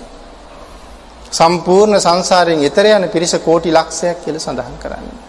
ඒ කියන්නේ කෝටි ලක්ෂයක් දෙනා මේ අවස්ථාවේ ඒකාන්ත වශයෙන්ම අති උතුම් මහරහත් බෝධියම ලබනවා ඊට අමතරව මාර්ගඵල ලබන පිරිස ඊට විශාල පිරිසක් බවට පත් වෙනවා. දැන් මායයට ඕනේ මේ මගඵල ලබන්නන් මගඵල ලබන්න දියුණු කරගෙන තියෙන මේ චිත්තය මේ වෙලාවේ ඇති වෙලා තියෙන ධර්ම ප්‍රීතිය බිඳින්න තමයි හරි භයානක රූප මෙයා මෙතෙන්ට එන්න නිර්මාණය කරන්නේ. තතෝ ආමන්තේ සත්තා ශාවකේ ශාසනේ රතේ මාර සේනා අභික්කන්තා තේ විජානාත බික්කෝ තම ශ්‍රාවක පිරිස භාග්‍යතුන් වහන්සේ ආමන්ත්‍රණය කරනවා මේ වෙලාවේ.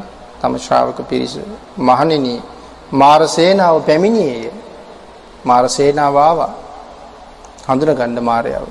මනාව මාරයා හඳුනන්න කියලා දේශනා කරනවා. ඉතින් මේ ධර්ම කාරණාවක් යට අප්‍රමාණ ධර්ම කාරණා ගැබ්බෙලා තියෙනවා. මාරයාගේ පිරිස ආවා. හඳුන ගන්න මාරයා. අපිත් මේ ජීවිතේ ජීවත් වෙනකොට බොහොම ලස්සනට එක එක හැඩයෙන් එක එක වර්ණයෙන් එක එක පෙනුමෙන් මායя තමයි අපි හොයාගෙන ඉන්නේ.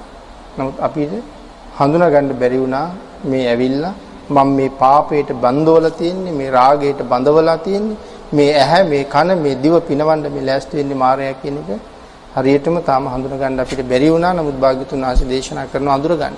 මායяගේ පිරිස ඇවිල්ලා ඉන්නේ. තේච ආතප්ප මකරුම් සුත්වා සම්බුද්ධ සුත්වා බුද්දස්ස ශාසනං ඒ භික්ෂූහද භාග්‍යවතුන් වහන්සේගේ අනුශාසනාව පරිදිම වීර කළා. භික්ෂූන් වහන්සේලා සියලු දෙනාම භාග්‍යවතුන් වහන්සේගේ අනුශාසනාව පරිදි වීරය කරනවා. දෙවිවරු මේ වෙලාවේ මේ ධර්ම ප්‍රීතියෙන් වීරිය වඩන වෙලාව මේ සමාගම දැකලා වීත රාගා වීත රාගේහ පක්ඛාමුං නේසං ලෝමම් පියංජයුම් මාර සේනාව ඒගොල්ලන්ට බැරි වුණා මේ වීත රාගී මහෝත්තමයන්න් වහන්සේලාගේ නේසං ලෝමම් පිංජයුම් අඩුතරමේ ලෝම ගහක්වත් හොලවන්න බැරි වුණා කියනවා මාරයට මේ වෙලාවේ. භාග්‍යතුන් වහන්සේ අනුග්‍රහ කරන ආකාර දෙකක් තියෙනවා. ඒ කාරණාව තවත් උදුම්බරික සීහනාද සූත්‍රයේ මනාව පැහැදිලි කරනවා. භාග්‍යතුන් වහන්සේ භික්ෂුන් වහන්සේලාට දේශනා කරනවා මහණෙනි භාග්‍යතුන් වහන්සේ දේශනා කරන විදිහටම කටයුතු කළොත් හත් දවසෙන් රහත් බව ලැබෙනවා කියලා. දේශනා කරන විදිහටම හරියටම අබ්බමල් රේණුවක්වත් නැර කටයුතු කරුවොත් දවස් 7න් රහත් භාවය ලබන්න පුළුවන් කියලා. එහෙම දේශනා කරලා භාග්‍යතුන් වහන්සේ බලනවා මොන භික්ෂුවද කතා කරන්නේ ස්වාමීනි මේ තරම් වීරිය කරන අපි හත් දවස් ඔය වීරිය කරලා බලන්නම් කියලා මොන භික්ෂුවවත් කතා කරයිද කියලා බලනවා. නමුත් මේ මහා සමයේදී නෙමෙයි මේක උදුම්බරික සීහනාද සූත්‍රයෙන් තියෙන. නමුත් කිසි භික්ෂුවක් කිසි භික්ෂුවක් කතා කරන්නේ නැහැ. ඒ නිසා භාග්‍යතුන් වහන්සේ බලනවා මේ පිරිසට මායя ආවේශ වෙලා ඉන්නේ. මායයාගෙන් මිදෙව්වොත් මේ අය මාර්ගඵල දක්වා ගමන් කරයිද කියලා බලනවා. මායя අයින් කෙරුවත් මේගොල්ලෝ මාර්ගඵල ලබන්න තරම් ගමන් කරන්නේ නැහැ. ඒ කියන්නේ සංසාරේ තව පින් මෝරලාමදිද කොහෙද? එහෙමනම් භාග්‍යතුන් වහන්සේ මායයට කැමති දෙයක් කරන්න අතහැරලා දානවා කියලා සඳහන් කරනවා. මොකද ඒ කෙනා එතනින් එහාට ගන්න ගන්න බෑ. ඉතින් අපි එහෙම අයද දන්නේ නැහැ කියලා අපිට හිතන්න වෙන නිසා වහවහ සම්බුද්ධ ශාසනය වීර වඩන එක හොඳයි. නමුත් භාග්‍යතුන් වහන්සේගෙන් අපි අතහැරිලා නෑ කියන ශ්‍රද්ධාව අපි ගාව නිරන්තරයෙන් තියෙන්න ඕනේ. සබ්බේ විජිත සංගාමා බයාතීතා යසස්සිනෝ මෝදන්ති සහ භූතේහි ශාවකේ ශාවකේතේ ජනාසුතාති දස බලයන්ගේ ශාසනයේ පහළ වූ ආර්ය ශ්‍රාවකයන් මේ මාර යුද්ධයෙන් මාර යුද්ධයෙන් මේ වෙලාවේ ඉදිනවා. භාග්‍යතුන් වහන්සේගේ ආර්ය ශ්‍රාවකයෝ මේ වෙලාවේ මාර යුද්ධයෙන් දිනුවා යසස් ඇත්තා වූ ජනයා අතර ඒ සියලු දෙනාම බොහෝම ප්‍රසිද්ධියටපත් වෙලා ආර්ය ශ්‍රාවකයෝ සමග මේ සියලු දෙනා බොහෝම සතුටින් ඊටාම ප්‍රීතියෙන් මේ වෙලාවේ විශාල පිරිසක් මාර්ගඵල අවබෝධ කළා. ඒ අවබෝධ කරපු පිරිස තමයි අපි සඳහන් කළේ අසංකේයයක් නෙමේ අති අප්‍රමාණ පිරිසක්. මහරහත් භාවයේ ලැබලා සංසාරයෙන් එතර ගියපු පිරිස කෝටි ලක්ෂයක් කියලා සඳහන් කරනවා මහා වණේදී නිවන් අවබෝධ කරපු පිරිස මේ ශාක්‍ය වංශික සහ කෝලිය වංශික කියන වංශ දෙකකින් පැවිදි වෙච්ච 500ක් භික්ෂූන් වහන්සේලාගේ ආශ්චර්යමත් සමාගමේ බලන්ඩ ආපු පිරිසකට සැලසිච්ච යහපත. සම්මා සම්බුද්ධ ශ්‍රාවකයා හරියට දැක අවබෝධ කරන පුද්ගලයාට පවා අප්‍රමාණ යහපතක් උදා වෙන බවයි මේ කාරණාවෙන් පේන්නේ මෙතනදි මාර්යත් ප්‍රකාශයක් කරලා තියෙනවා සබ්බේ විජිත සංගාමා බයාතීතා යසස්සිනෝ මෝදන්ති සහ භූතේහි ශාවකේතේ ජනේසතාති කියන ප්‍රකාශය කරන දස බලයන් වහන්සේගේ ශාසනයේ පහළ වූ ආර්ය ශ්‍රාවකයන් සමග අපිට ගැටෙන්න හැපෙන්න බෑ කියලා කල්පනා කරලා මාර පිරිස ආපහු යනවා. මෙතනින් මහා සමය සූත්‍ර දේශනාව නිමා වෙනවා මේ මාර්යා මේ ප්‍රකාශය කරලා ආපහු යාමත් සමග. ඉතින් භාග්‍යතුන් වහන්සේ දේශනා කරලා තියෙන කාරණාව අපි සඳහන් කළා. මහා සමය සූත්‍ර දේශනාව ඕනෑම තැනක දේශනා කරන්න සුදුසුයි ඕනෑම වෙලාවක. නමුත් ඕනෑම තැනක හැම වෙලාවෙම දේශනා කරන්න බැරි පිරිත් සූත්‍රත් මේ පිරුවානා පොත් වහන්සේට අන්තර්ගත කරලා තියෙනවා. විශේෂ සූත්‍ර දේශනාවක් තමයි ආටානාටි සූත්‍රය. ආටානාටි සූත්‍රය හැමතැනම හැම වෙලාවෙම දේශනා කරන්න බෑ.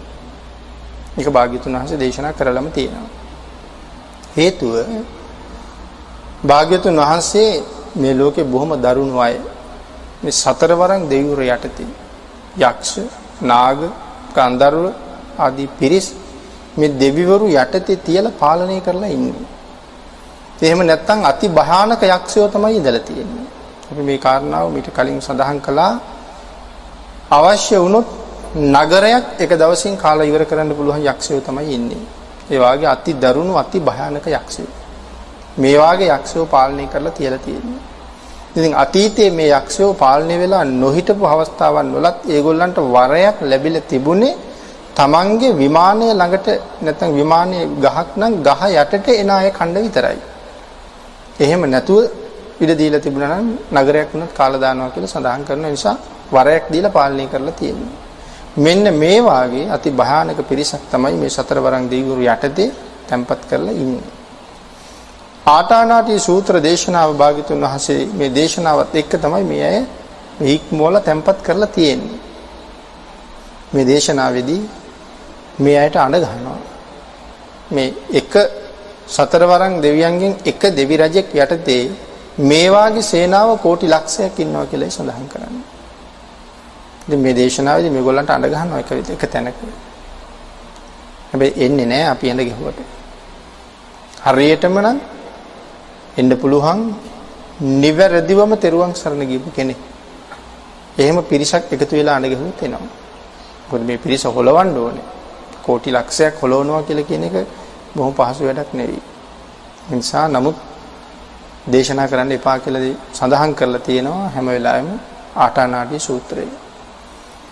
දේශනා කරන්න ඕනෑම වෙලා තියෙන තැනක් නම් හත් දවසක් රතන කරණීය කියන සූත්‍ර දෙක සහ අනික් සූත්‍ර දේශනාවල් හත් දවසක් එක දිගට සජ්ජායනා කරලා අන්තිමේ මේ සූත්‍රය සජ්ජායනා කරන්න කියලා දේශනා කරලා තියෙනවා. හැබැයි ගෙන්නුවොත් ගෙන්නුවා වාගේම ආපහු පිළිවෙලට ආපහු යවන්න ඕනේ. එහෙම නැත්නම් ඊටා භයානක තත්ත්වයක් උදා වෙන්න තියෙන ඉඩකඩ වැඩි. ඉතින් අපි බෙර ගහන හැටියට බෙර ගහලා ඒගොල්ලෝ යවන්න බෑ. අපි දුම් ගහන හැටියට දුම් ගහලා ඒගොල්ලෝ යවන්නත් බෑ. නිසා ඒ යවන්න පුළුවන් විදිහටම ගෙන්නන්න වෙනවා කියලා සඳහන් කරලා තියෙනවා. නිසා කෙසේ වෙතත් අද සමහරලාට මහ පිරිතක් දේශනා වෙන වෙලාවෙත් ආටානාටි සූත්‍රයේ දේශනා වෙනවා. නමුත් භාග්‍යතුන් වහන්සේ දේශනා කරන්න එපා කියලා තමයි දේශනා කරලා තියෙන වෙන හේතුවක් හින්දා නෙවෙයි මේ භයානක තත්ත්වය නිසා එන්න පුළුවන් හරියට මේ විදිහට දේශනා කළොත්. එහෙමනොත් යවන්න බැරුව යන්න පුළුවන් යවුවේ නැත්නම් හරි අපහසුයක්. අපි මුලින්ම මේ පළෝප සූත්‍රය ගැන කරුණු කීපයක් සිහිපත් කළා මගේ හිතේ දේශනාව පටන් ගන්න වෙලාවේ මේ ලෝකේ ජීවත් වෙන ජනගහනය ගැන කතා කරනකොට ලෝකයේ වර්තමානයේ ජනගහනය අඩු වෙලා තියෙන්නේ. ඇයි? ඒ කාරණාව සාකච්ඡා කරන වෙලාවේ මේ මිත්‍යා රාගය මේ සමලිංගික විවාහ ස්ත්‍රීන් ස්ත්‍රීන් විවාහ වෙනවා පුරුෂයන් පුරුෂයන් විවාහ වෙනවා මේ වාගේ తত্ত্বය සමහරට ලෝකේ දැනට ඇතැම් තැන්වල නීතිගත වෙලා තියෙනවා. කෙසේ වෙතත් මේක දිගින් දිගටම සිද්ධ වෙන්න ගත්තොත් දෙවියන්ගේ අකමැත්ත ඊටාම ඉහළයි කියලා සඳහන් කරන්නේ. එහෙම දේවල් දිගට වෙන්න පටන් ගත්තොත් මේ දරුණු යක්ෂයෝ මුදා හරිනවා කියන කෙලින්ම ධර්මයේම සඳහන් කරනවා. ඒ දෙවිවරුගේ අකමැත්ත නිසා මේ පළවෙනි සූත්‍රය පැහැදිලි කරනවා මේ යක්ෂයෝ මුදා හරිනවා. එහෙම මුදා හැරියොත් එහෙම ඉතින් ඊට අවාසනාවන්ත තත්ත්වයක් තමයි උදා වෙන්න තියෙන්නේ. එහෙමනම් ඒගොල්ලෝ තාමත් ඉන්නවා සංවර කරලා තියලා තියෙන්නේ යම් යම් වරවල සීමා කරලා තියෙන්නේ. ඒ නිසා ආටානාටිය දේශනා කරන්න එපා කියනවා. නමුත් ඒක අද දේශනා කරනකොටත් විවිධ මිත්‍යා මිත්‍යා ක්‍රම ඔස්සේ දේශනා වෙන අවස්ථාවල් කවුරු දේශනා කළත් අපි දකිනවා බොහොම අනවශ්‍ය විදිහට ගෝරනාඩු කිරීම, කෑකෝ ගැහිම් සමහරලාට අපි දකිනවා ඒවා මිත්‍යා අවස්ථාවන් හැටියට තමයි ධර්මයේ සඳහන් කරලා තියෙන්නේ භාග්‍යතුන් වහන්සේගේ දේශනාව එහෙම එහෙම නැහැ. මහා සමය සූත්‍ර දේශනාවේදී මගපල ලබා පිරිස පිළිබඳව අවබෝධයක් ඇති වෙන්නේ මේ සූත්‍ර දේශනාවේ පස්සේ කාලේ එක කරුණාවක් කාරණාවක් පැහැදිලි කරනවා මේක දිව්‍යාංගනාවක්. මේක මේ අපි අපේ රටේ එක ස්වාමින් වහන්සේ නමක් නාගලෙන කෝටි පබ්බත කියන විහාරයේ නාගලෙන කියන ස්ථානයේ තමයි උන්වහන්සේ වැඩ ඉඳලා තියෙන්නේ කෝටි පබ්බත විහාරයේ නාගලෙන. උන්වහන්සේ වැඩ ඉඳලා තියෙන්නේ මේ නාගලෙන මෙතන මේ දොරකඩ තියෙන ගහක තමයි මේ දිව්‍යාංගනාව ඉඳලා තියෙන්නේ. මේ ස්වාමින් වහන්සේ රාත්‍රී මේ මහා සමය සූත්‍රය දේශනා කරලා තියෙනවා. මහා සමය සූත්‍රය උන්වහන්සේ දේශනා කරලා නිමා කරනකොට මෙතනදී මේ ස්වාමීන් වහන්සේ මුළු මහා සමයම කටපාඩම් තිබුණා වගේ මේ දේශනාවෙන් දෙන්න තියෙන්නේ දේශනා කරලා ඉවර කරනකොට උන්වහන්සේට සාදුකාරයක් ඇහෙනවා මේ මධ්‍යම රාත්‍රියේ. සාදුකාරයේ ස්ත්‍රී හඬක්. ඒ නිසා උන්වහන්සේ කල්පනා කරනවා මේ මධ්‍යම රාත්‍රියේ මගේ කුටිය ආසන්නයේ කවුද ස්ත්‍රී හඬක් සාදුකාරයක් පැවැත්වුවේ කියලා.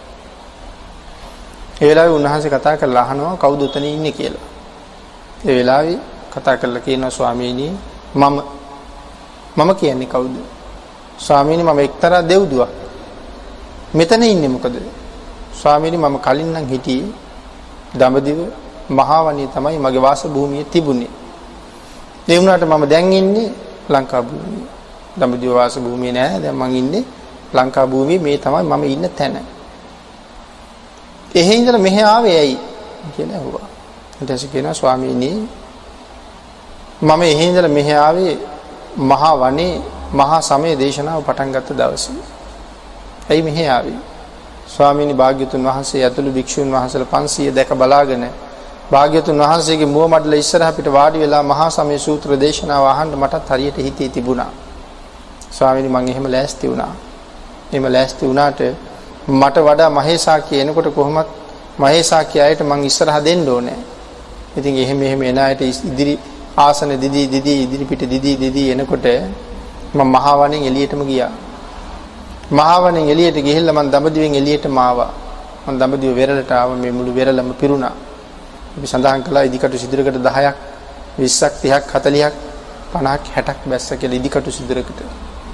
ඉතින් ස්වාමීනි මං ඊළඟට මහා සාගරයට බැස්සා. මහා සාගරේ මම ලංකාදීපයට එනකන් ඇවිල්ලා මං දඹකොළ පටුන්නේ නතර වුණා. ස්වාමීනි මට දඹකොළ පටුනේත් ඉන්න බැරුව ගියා. එහෙම එහෙම ගිහිල්ලා මං එහා පැත්තෙන් සාගරයට බැස්සා. ස්වාමීනි එහෙම ඉඳලා තමයි මම මහා සමය ඇහුවේ. කරවටක් මහ මුහුදේ ඉඳගෙනයි මහා සමය ඇහුවේ.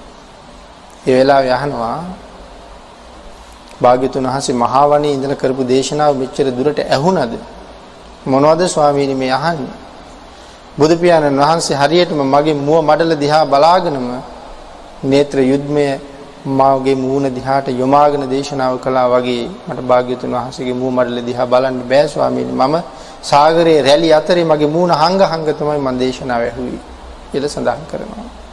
කියන්නේ භාග්‍යතුන් වහන්සේගේ දේශනාව ලක්ෂයක් අහනවා නම් ඒ ලක්ෂෙටම හිතෙන්නේ බුදු පියාණන් වහන්සේ මන් දිහා බලාගෙන මටම දේශනාව කරනවා වගේ ඒක භාග්‍යතුන් වහන්සේගේ දේශනා ක්‍රමයේ තවත් ආශ්චර්යමත් අවස්ථාවක්.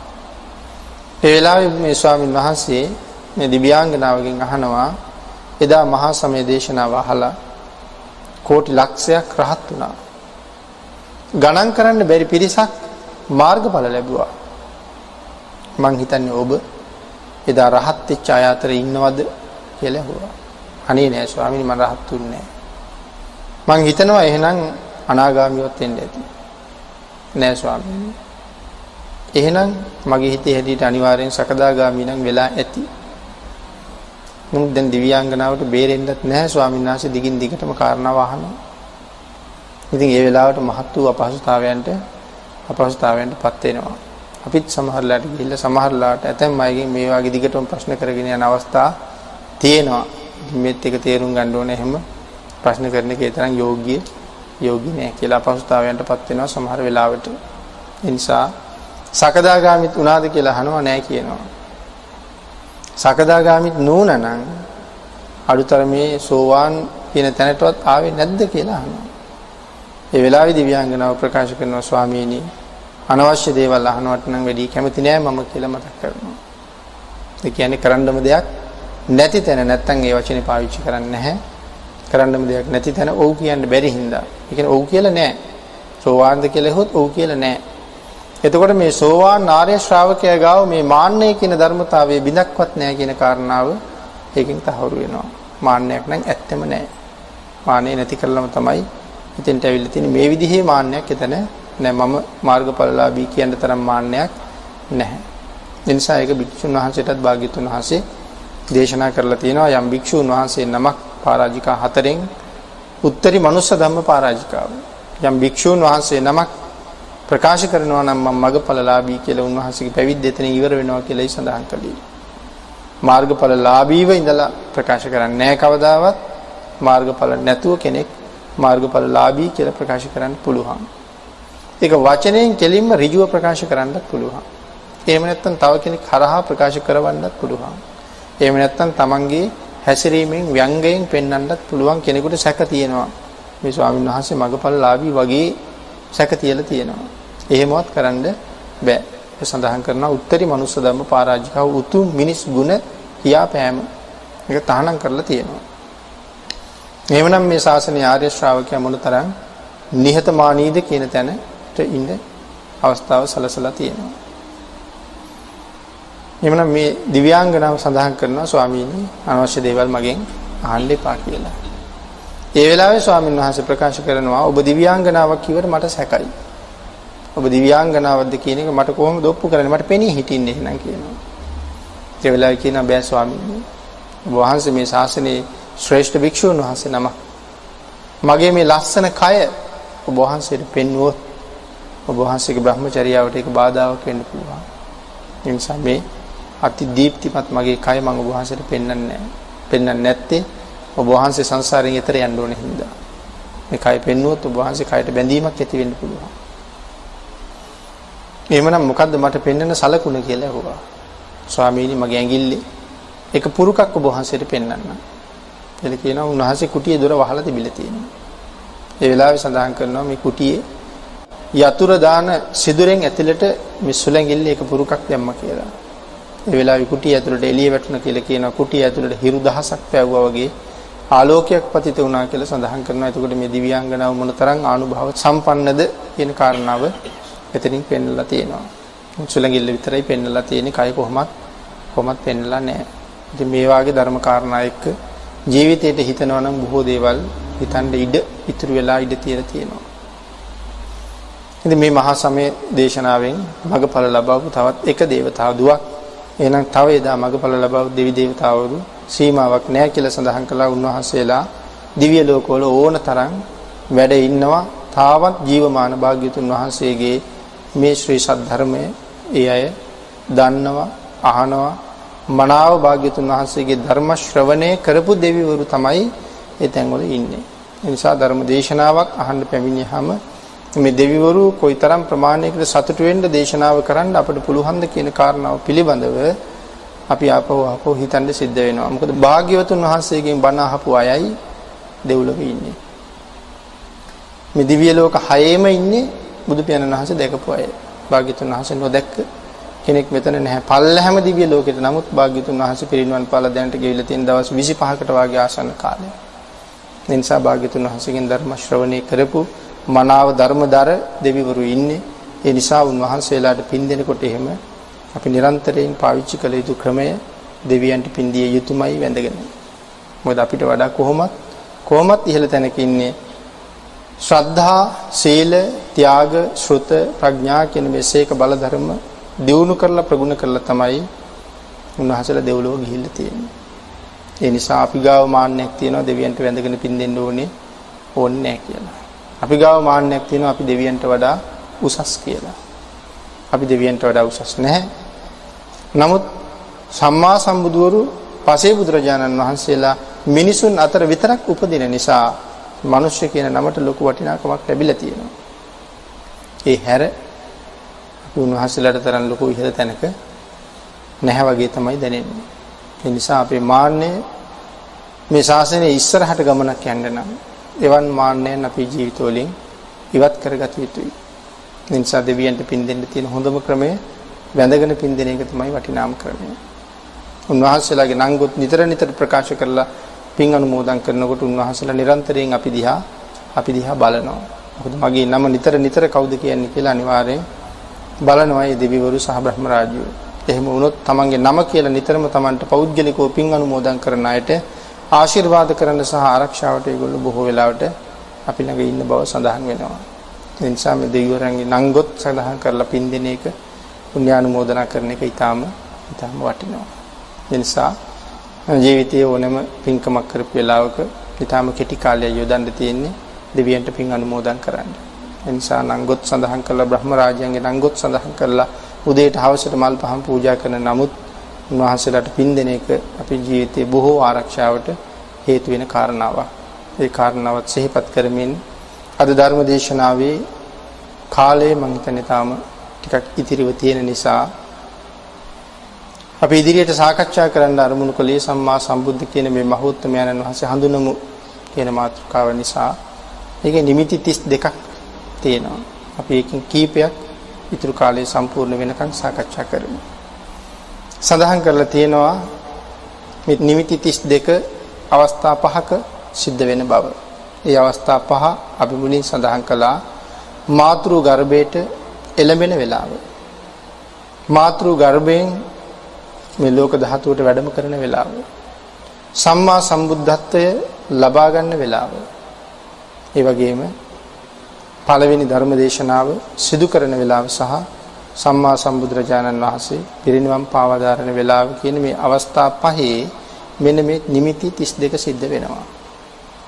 ඊට කලින් මේ නිමිති සිද්ධ වෙන්නේ මාතෘ ගර්භයට එළඹෙනකොට. අන්තිම මනුෂ්‍යාත්ම භාවයේ තමයි වෙස්සන්තර බෝසතාණන් වහන්සේගේ ජීවිතය. වෙස්සන්තර බෝසතාණන් වහන්සේ අපවත් වුණාට පස්සේ හතරවෙනි දිව්‍ය ලෝකයේ එහෙම නැත්නම් තුසිත කියන දෙව්ලොව තමයි මහබෝසතාණන් වහන්සේ ඊළඟට පහළ වෙන්නේ. තුසිත දිව්‍ය ලෝකයේ ආයු ප්‍රමාණය මනුස්ස වර්ෂ වලින් අවුරුදු 57 කෝටි 60 ලක්ෂයක් කියලා සඳහන් කරන්නේ. මේ අවුරුදු 57 කෝටි 60 ලක්ෂයේම එකම දවසක්වත් අඩු කරන්නේ නැතුව බෝසතාණන් වහන්සේ දෙව්ලොව වැඩ හිටිය බව තමයි ධර්මයේ සඳහන් කරන්නේ. මොකද මීට කලිනුත් දෙව්ලොව වැඩලා තියෙනවා. ඒ වැඩපු අවස්ථාවන් වල මුළු දිව්‍ය ආයුෂයම භුක්ති විඳින්නේ නැහැ. මොකද දීර්ඝ කාලයක් එහි දිව්‍ය ආයුෂ විඳ විඳ ඉඳ ගියොත් ආපහු පින් කරගන්න තියෙන අවස්ථාව උන්වහන්සේට මදි නිසා දෙව්ලොව අතහැරලා උන්වහන්සේ චුත වෙලා මනුස්ස ලෝකවල ඇවිල්ලා ආපහු පින් රැස් කරලා තියෙනවා. එතකොට ඒ කාරණාවෙන් කියන වැඩියෙන් පින් රැස් කරන්න පුළුවන් මේ මනුස්ස ලෝකෙදී. ඒ නිසා මනුස්ස ජීවිතය තව පැත්තකින් වටිනවා.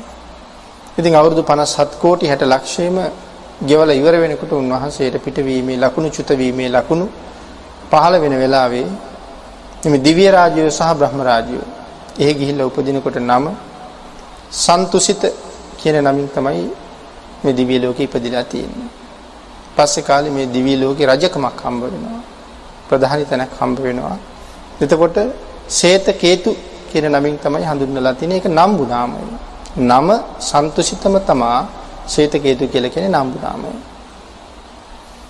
මේ ඉන්නකොට තමයි ආයු පිරිහෙන්නේ.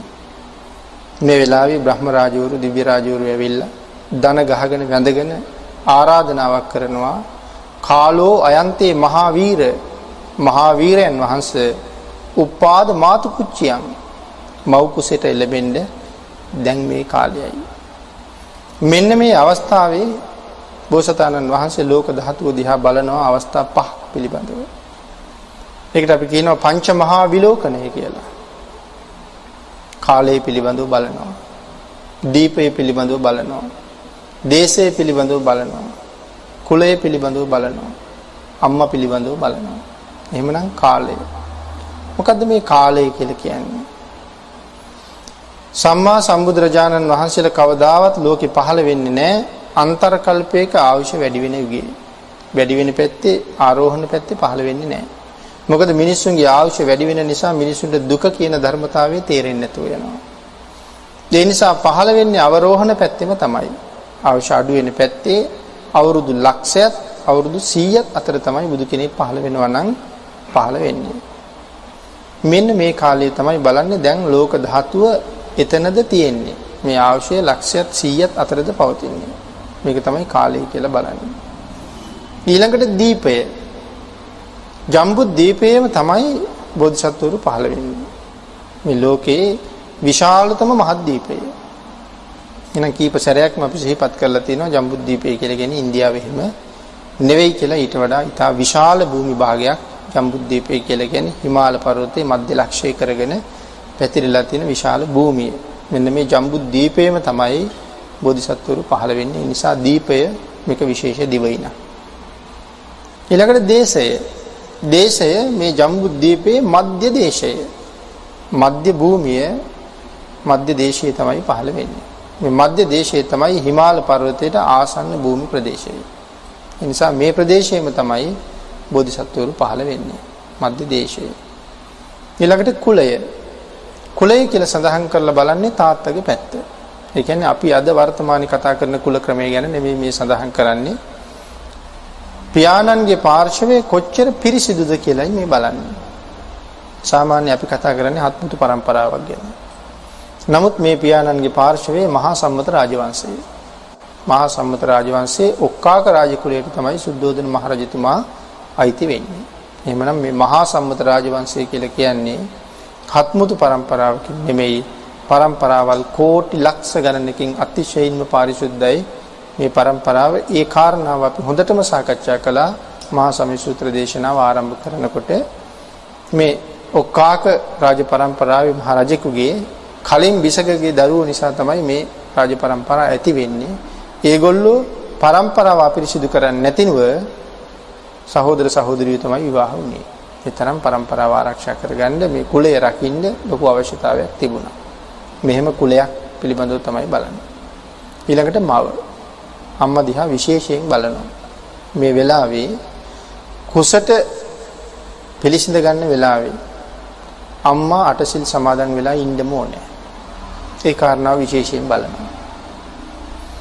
ඊළඟට සම්මා සම්බුදුන්ගේ මෑණියන් මේ බෝසතාණන්ගේ මෑණියන් බෝසතාණන් වහන්සේ උප්පත්තිය ලැබලා දවස් 7කින් අනිවාර්යයෙන්ම ජීවිතේ ඉවර වෙනවා. ඒක වෙන කිසි හේතුවක් නිසා නෙහෙම නෙමෙයි. සැබවින්ම උන්වහන්සේගේ ආයුෂ ඉවරයි. ඉතින් බෝසතාණන් වහන්සේට උපත දුන්නා කියලා කතාවක් එහෙම නෙමෙයි ආයුෂ ඉවරයි. එහෙමනම් බෝසතාණන් වහන්සේ ඒක හරියටම බලනවා මාස 10 අඩු නැතුව මව් කුසේ ඉන්නවා. සාමාන්‍යයෙන් මේ ලෝකේ ඉපදෙන කෙනෙක් මාස 10 මව් කුසේ ඉන්නෙම ඉන්නෙම නැහැ. මාස 9 9 හමාර කියන අවස්ථාවේ අපි කොහොමත් මව් කුසෙන් එළියට එනවා. නමුත් මාස 10 සම්පූර්ණ වෙන්නේ මාසයකට දවස් 30 ගානේ බැලුවොත් දවස් 300ෙන් නම් බෝධිසත්ව කුමාරයා මව් කුසෙන් උප්පත්තිය ලබන්නේ දවස් 300ම සම්පූර්ණ කරලම කරලම තමයි. එක දවසක්වත් අඩුත් නැහැ වැඩිත් නැතුවයි උපදින්නේ.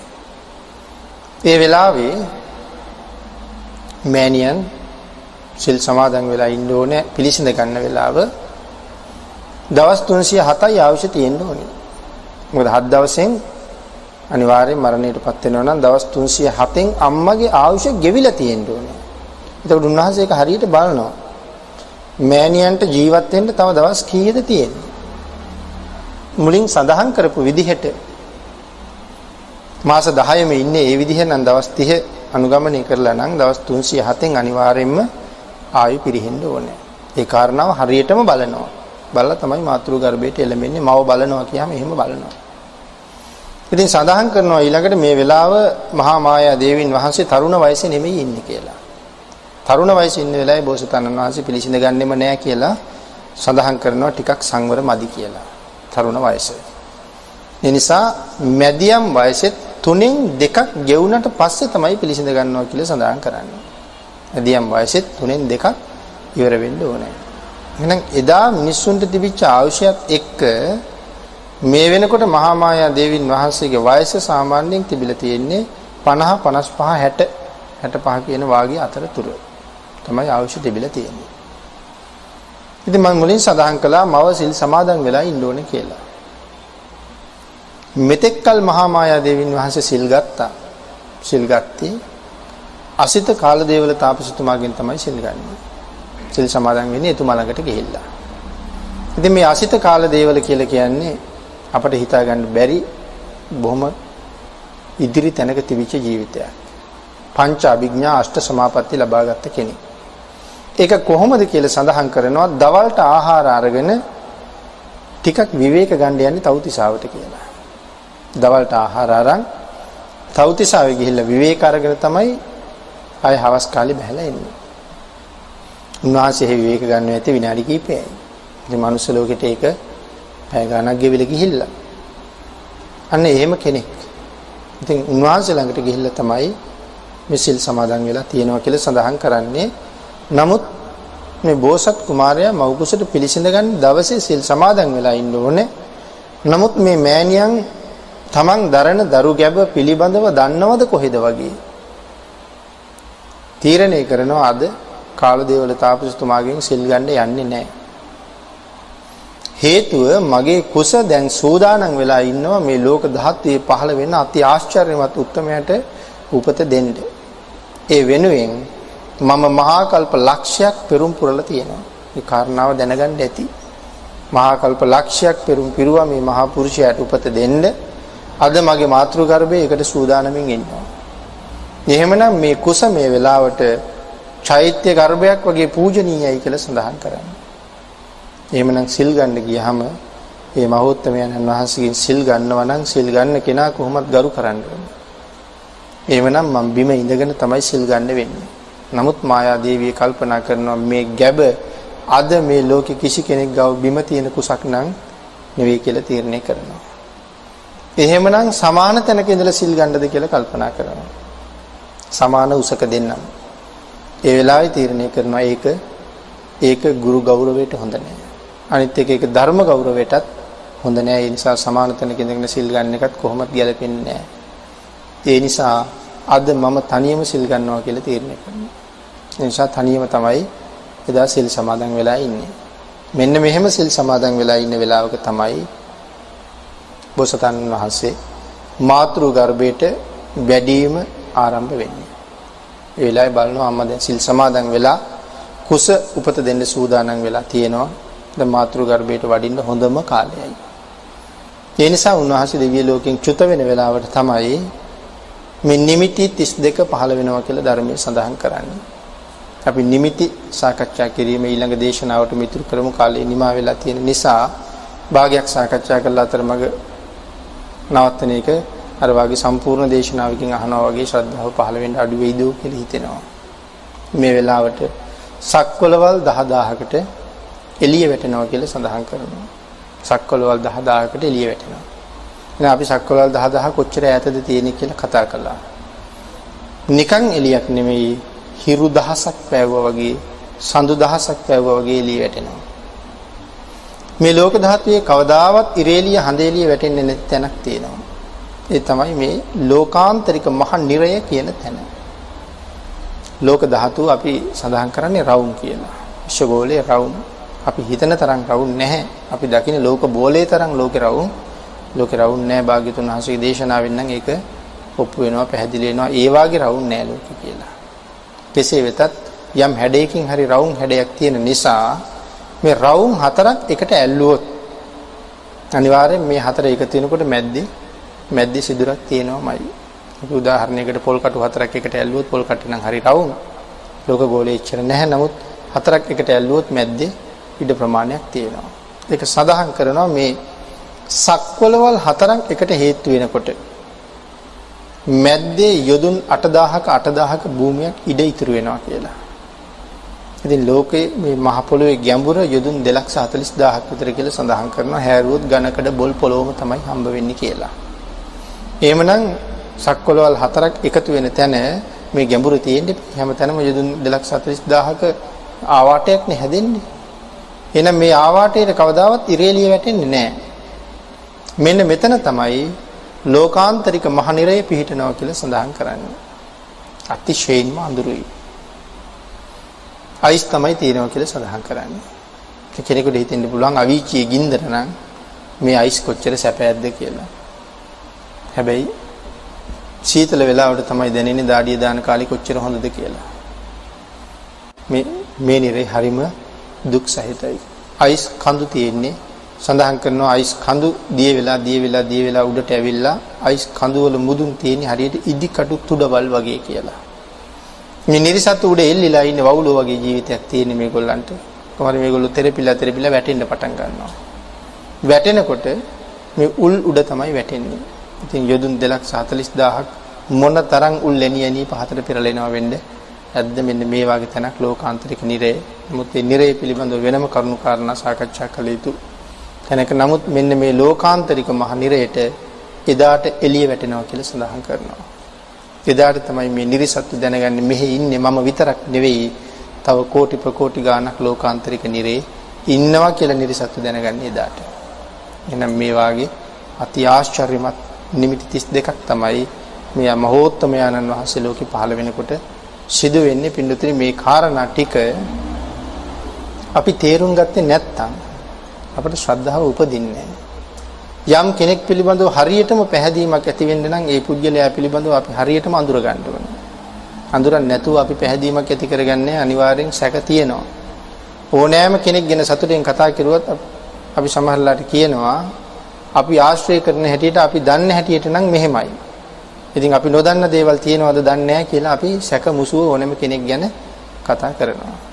ඒ වාගේ සම්මා සම්බුදුන් පිළිබඳව සැක තිබුණොත් සැක තිබුණොත් කවදාවත් මති උත්තමයන් වහන්සේ සරණ යන්න බෑ ඒ සැකේ නැති කරන්නම ඕනේ. ඒ සැකේ නැති කරන්න නම් සම්මා සම්බුද්ධ කියන මේ මහා නර ශ්‍රේෂ්ඨ චරිතය හඳුනා ගන්නම අවශ්‍යයි. ඒ නිසා අපි මේ වටිනා පින්කම් මාලාව සිදු කරන වෙලාව දීර්ඝ වෙලාවක් අපිට මේ කරුණු සාකච්ඡා කරගන්න තියෙන වෙලාව මේ දානපතීන් පුණ්‍යවන්තයින් ලෝක සත්‍යයටම අනුකම්පාවෙන් තථාගත ශ්‍රී සද්ධර්මයේ මේ විදිහට පැහැදිලිව දානය කරන්න අවස්ථාවක් අපි ලබාගමු කියන උතුම් චේතනාව පදනම් කරගෙන මේ සිද්ධ කරන වෑයමේදී අපි ලෝක සත්‍යයට සම්මා සම්බුදු පියාණන් වහන්සේ සැබවින්ම හඳුන්වා දීමට අපි තීරණය කරගනිමු. ඊළඟ දේශනාවේ ඉඳලා එhmenan අදට ධර්ම දේශනාව මේ අවස්ථාවෙන් නිමා කරමු. කාල වේලාවත් නිමා වෙමින් පවතින නිසා මේ අති ආශ්චර්යමත් වූ සම්මා සම්බුද්ධ දේශනාව කෝටි ලක්ෂයක් මහරහත් භාවය ලබාගත් අනන්ත අප්‍රමාණ සත්ත්ව සමුදායක් මාර්ගඵල ඥාන උදා කරගත්ත භාග්‍යතුන් වහන්සේගේ අති ආශ්චර්යමත් දේශනාව අපි ශක්ති ප්‍රමාණයෙන් මේ බොහොම කෙටි කාලයක් තුල යම් ප්‍රමාණයකින් සාකච්ඡා කරලා නිමා කළා. අපි නොදන්න දහම් කරුණු ඔබ අප සියලු දෙනාම බොහෝ දහම් කරුණු වලින් මේ සූත්‍ර නිධාන කතාවත් එක්ක පෝෂණය වුණා. එදා භාග්‍යවතුන් වහන්සේගෙන් මහා සමය සූත්‍ර දේශනාව ශ්‍රවණය කරන්න රැස් වෙච්ච සියලුම දිව්‍ය බ්‍රහ්ම රාජවරු සියලු දෙනා සිහිපත් කරලා ඔබ වහන්සේලාගේ ආශ්චර්ය අපි අදත් සාකච්ඡා කරනවා ස්වාමීනි මේ මොහොතේ රැස් කරගෙන අනුමෝදන් කරන පුණ්‍ය සම්භාර ධර්මයන් ඔබ වහන්සේලාට අනුමෝදන් වේවා ඔබ වහන්සේලා සියලු දෙනාමත් දිව්‍ය ආයුෂ වඩ වඩාත් වර්ධනය කරගෙන ප්‍රාර්ථනා කරන බෝධියකින් උතුම් අමා මහ නිවනින් සැනසේවා කියලා අපි උන්වහන්සේලාට පින් අනුමෝදන් කරවමින් අපි සියලුම දෙනාට ඊ타ම ඉක්මන් භවයක ඊ타මත්ම කෙටි කාලයකින් සුඛ සහගත ප්‍රතිපදාවෙන් ආර්ය සත්‍ය අවබෝධයෙන් සැනසෙන්න මේ මහා කුසලයේ පාරමිතාවක් වෙනවා වගේම ධර්ම කාරණා වලින් මමද පෝෂණය කරන මගේ කල්යාණ මිත්‍ර ධර්මාචාර්යයන් වහන්සේලාට මේ පුණ්‍ය ධර්මයන් අඩු නැතුව අනුමෝදන් කරවමින් අපි සියලු දෙනාම මහත් වූ ආශිර්වාදයක් මේ මොහොතේ සිදු කරමු. ආකාසට්ඨා ච බුම්මට්ඨා දේවා නාග මහිද්దికා පුඤ්ඤන්තං අනුමෝදිත්වා. චිරං රක්ඛන්තු ලෝක සාසනං දේවෝ වස්සතු කාලේන සස්ය සම්පatti හෝතු ච පීතෝ භවතු ලෝකෝච රාජා භවතු ධම්මිකෝ